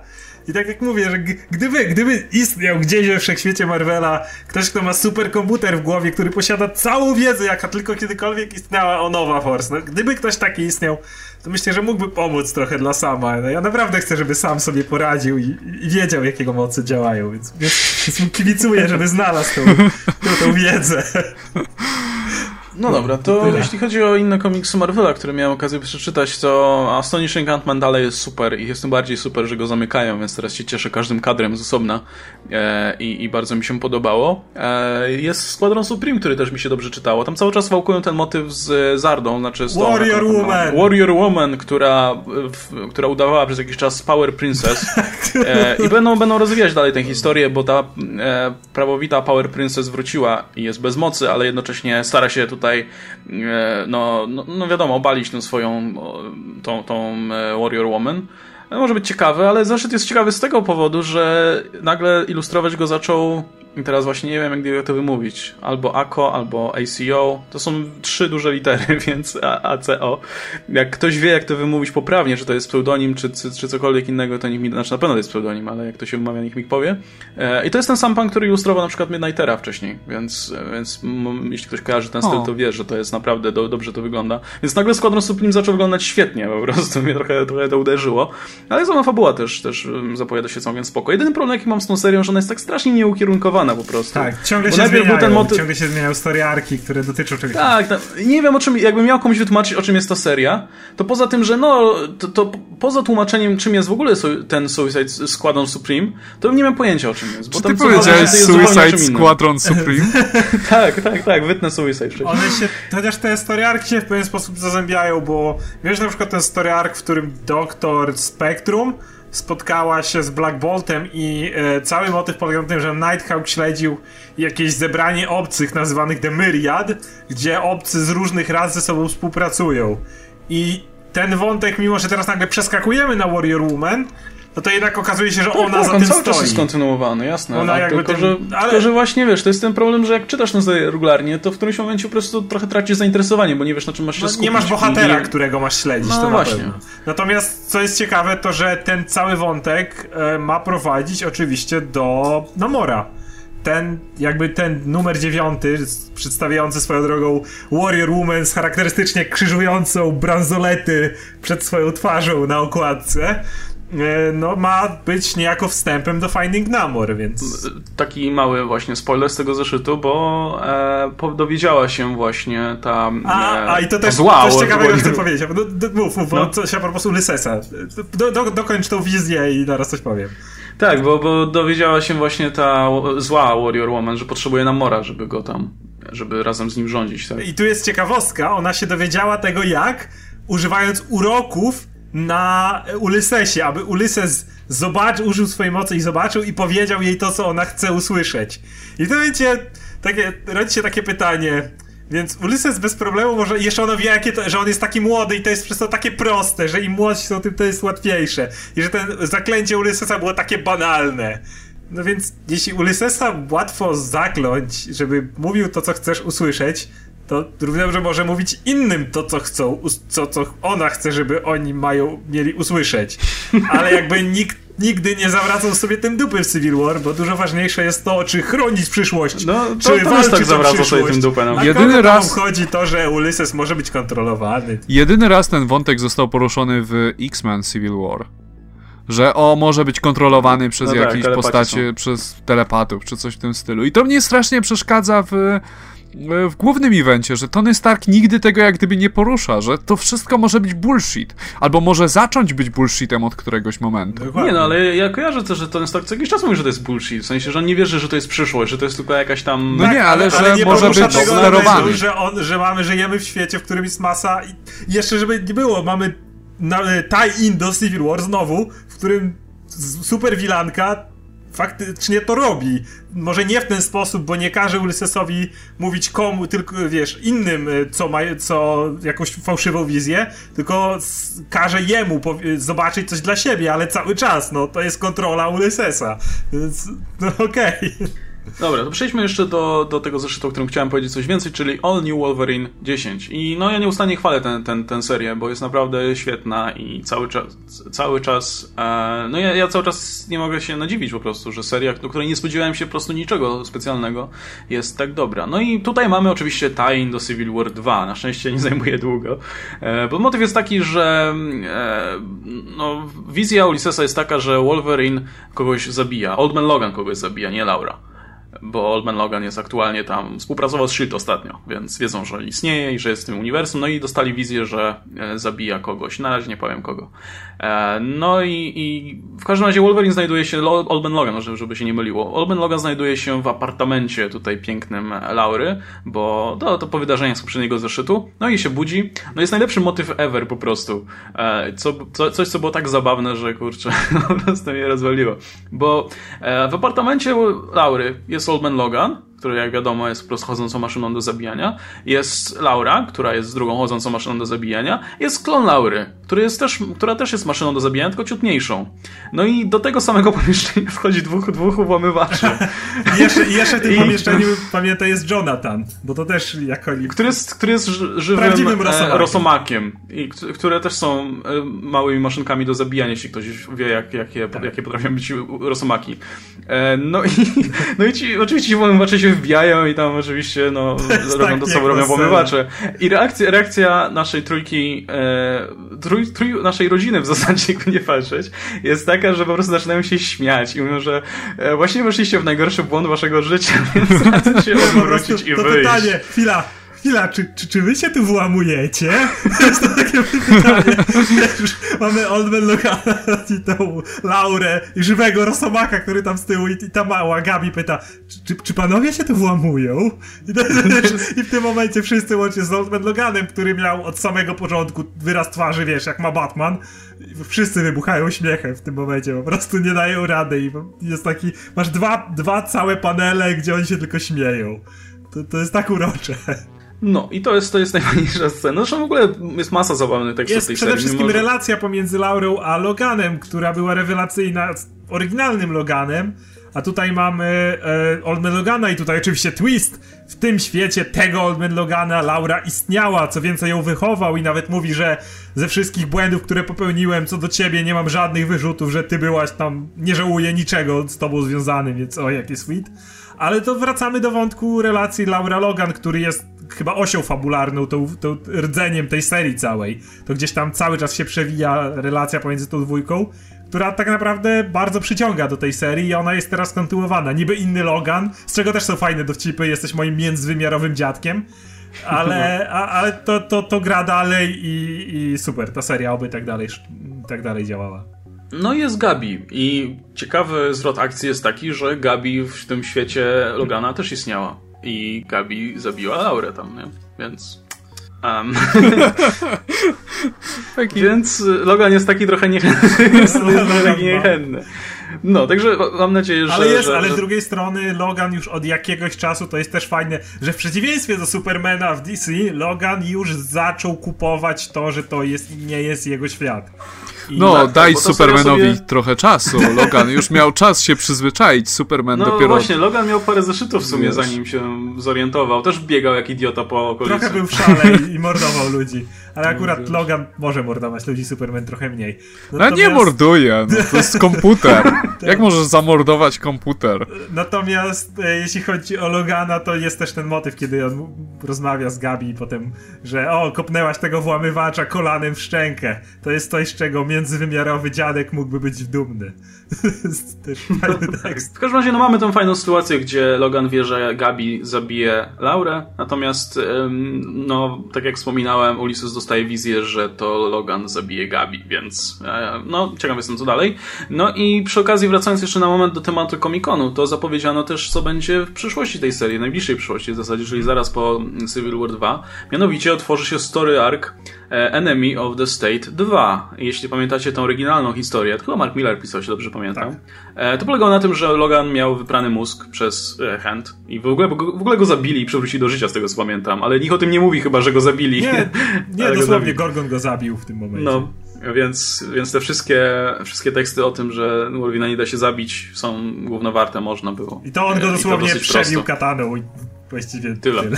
W każdym, razie, w każdym razie z tym wypranym mózgiem chodził i zabijał ludzi i, i po prostu trzeba było go zatrzymać. Mniej więcej na, na, tak w dużym skrócie powiedzmy na ten event, znaczy ten event, ta historia na tym polegała. No i tutaj będziemy mieli coś nie do końca podobnego, po prostu Laura będzie nacenzurowana i będzie ścigana e, i będzie miała również na sumieniu parę żyć. Natomiast nie, z tego co mówił chyba Tom Taylor, to będzie na trochę mniejszą skalę. Znaczy nie będą się tam pojawiać żadni superbohaterowie, ani nic, po prostu to będzie nowa sytuacja Nick dla Fury, samej Nick Fury Laury. Nick, Nick Fury na pewno będzie, czyli po prostu Laura kontra Shield. Znaczy idea ma być też taka, że ona zostanie przejęta na chwilę, dokona jakichś morderstw i tyle. I jakby już te, ten motyw kontroli zniknie, ale ona nie z własnej woli dokona kilku morderstw i jakby od tego to się zacznie. Co będzie trochę inne niż jednak, bo Wolverine większość tej serii był kontrolowany, tej Enemy of the State. Pod koniec mu przeszło i zaczął się mścić, a tutaj ma być to tylko punkt wstępu a cała seria ma być właśnie taka, że ona szuka osoby, która ją wykorzystała, jednocześnie ją goni Shield. No i w ten sposób się właśnie wraca do eventu, żeby, żeby to miało sens. Znaczy, no nie do eventu, do, do jakiejś znanej historii, żeby to miało sens, także ja na to czekam. Pewnie. Bo chętnie zobaczę, w ogóle chętnie zobaczę starcie Laury z Shield, niech skopie tyłki po prostu. No no i Tom Taylor jeszcze mówi, że ta seria będzie, zrobi się trochę poważniejsza wtedy. Znaczy nie zamierza zrezygnować oczywiście z tego humoru i mam nadzieję, bo, bo po prostu bardzo dobrze mu to wychodzi, ale mówi, że, że jednak ton się trochę zmieni na poważniejszy, co też myślę na plus wyjdzie Laurze. E, przynajmniej przez jakiś czas. No i dobra, to chyba tyle. Nic nowego się nie pojawiło, mam nadzieję. Ja na, mam nadzieję, że nic na skalę e, Barbary całującej Batmana. No. To będzie, to, będzie, to będzie taki koszmar idący aż do premiery i jeszcze trochę po premierze. trzeba, trzeba iść do kina. Bo, bo wiecie, Teraz to na komiks, szybko wytną. Wiecie, bo komiks był za krótki, to trzeba było jakąś ważną i ciekawą scenę dodać, nie? No to na przykład seks Barbary i Brusa. No, no w końcu Erka, nie? No to Erka, tak? No, Więc no wiesz, w komiksie było mało. Ruchają się pistolety. Ale to jest, to jest najlepsze. Extreme! No, bo, bo, no bo, bo, jak siedzisz i myślisz o tej historii, to myślisz, kurde, czegoś w niej brakowało. Naprawdę czegoś w niej brakowało. Zanim Barbara została postrzelona, no, no przydałoby się, żeby uprawiała seks z Bruce'em. No, tego, no bo może teraz, teraz może mają, może teraz mają taką politykę, że jak robią, wiesz, animację R, no to muszą tam wrzucić jakąś scenę seksu, żeby nie było, no i nie mieli pomysłu kogo. E, no to wrzucili ten, tak jak, jak w tym, w Assault on Arkham była Harley i Deadshot, co było też creepy strasznie, bo, bo wiesz, Harley jest szalona, więc trochę dziwne. Miało to więcej, a tutaj... miało to dużo więcej sensu. No to, a tutaj, no, no bo trzeba iść dalej, no, trzeba przekraczać kolejne granice, więc tu masz, tu masz coś jeszcze bardziej creepy, więc mo, mo, może będą szli tą drogą. No i dobra, to chyba tyle w takim razie. E, myślę, że i tak wyrobiliśmy, kurczę, tą minutową średnią. E, staramy się, staramy, żeby to było krócej, ale nie da rady. No nie, nie Więc... w czasie komikonu, No nie w czasie komikonu. Także za tydzień prawdopodobnie będzie kolejna część newsów. Już myślę, że będą nawet ważniejsze i większe newsy, pewnie te filmowe, jakieś tam kolejne pewnie materiały wideo do omówienia, jakieś tam inne ogłoszenia. E, no i plus mam nadzieję, że lepsze komiksy niż w tym tygodniu. Mm, no i to chyba tyle. Także dziękujemy Wam za udział. E, ze mną był Adam Antolski, Ankon Mruwa. Hej wszystkim. E, i Oskar Rogowski, komiksomaniak. Cześć wam. E, I na sam koniec jeszcze przypomnę, że ja wrzucam do siebie na bloga wszelkie jakieś tam newsy, które mnie zainteresują, więc e, zapraszam oczywiście. No i jak coś się będzie działo ważnego na Komikonie, to zaglądajcie też na nasze facebookowe profile, bo tam pewnie będą się pojawiać jakieś tam opinie powiedzmy na bieżąco, które będą podlinkowane oczywiście na dole. Także zapraszam jeszcze raz, trzymajcie się, cześć.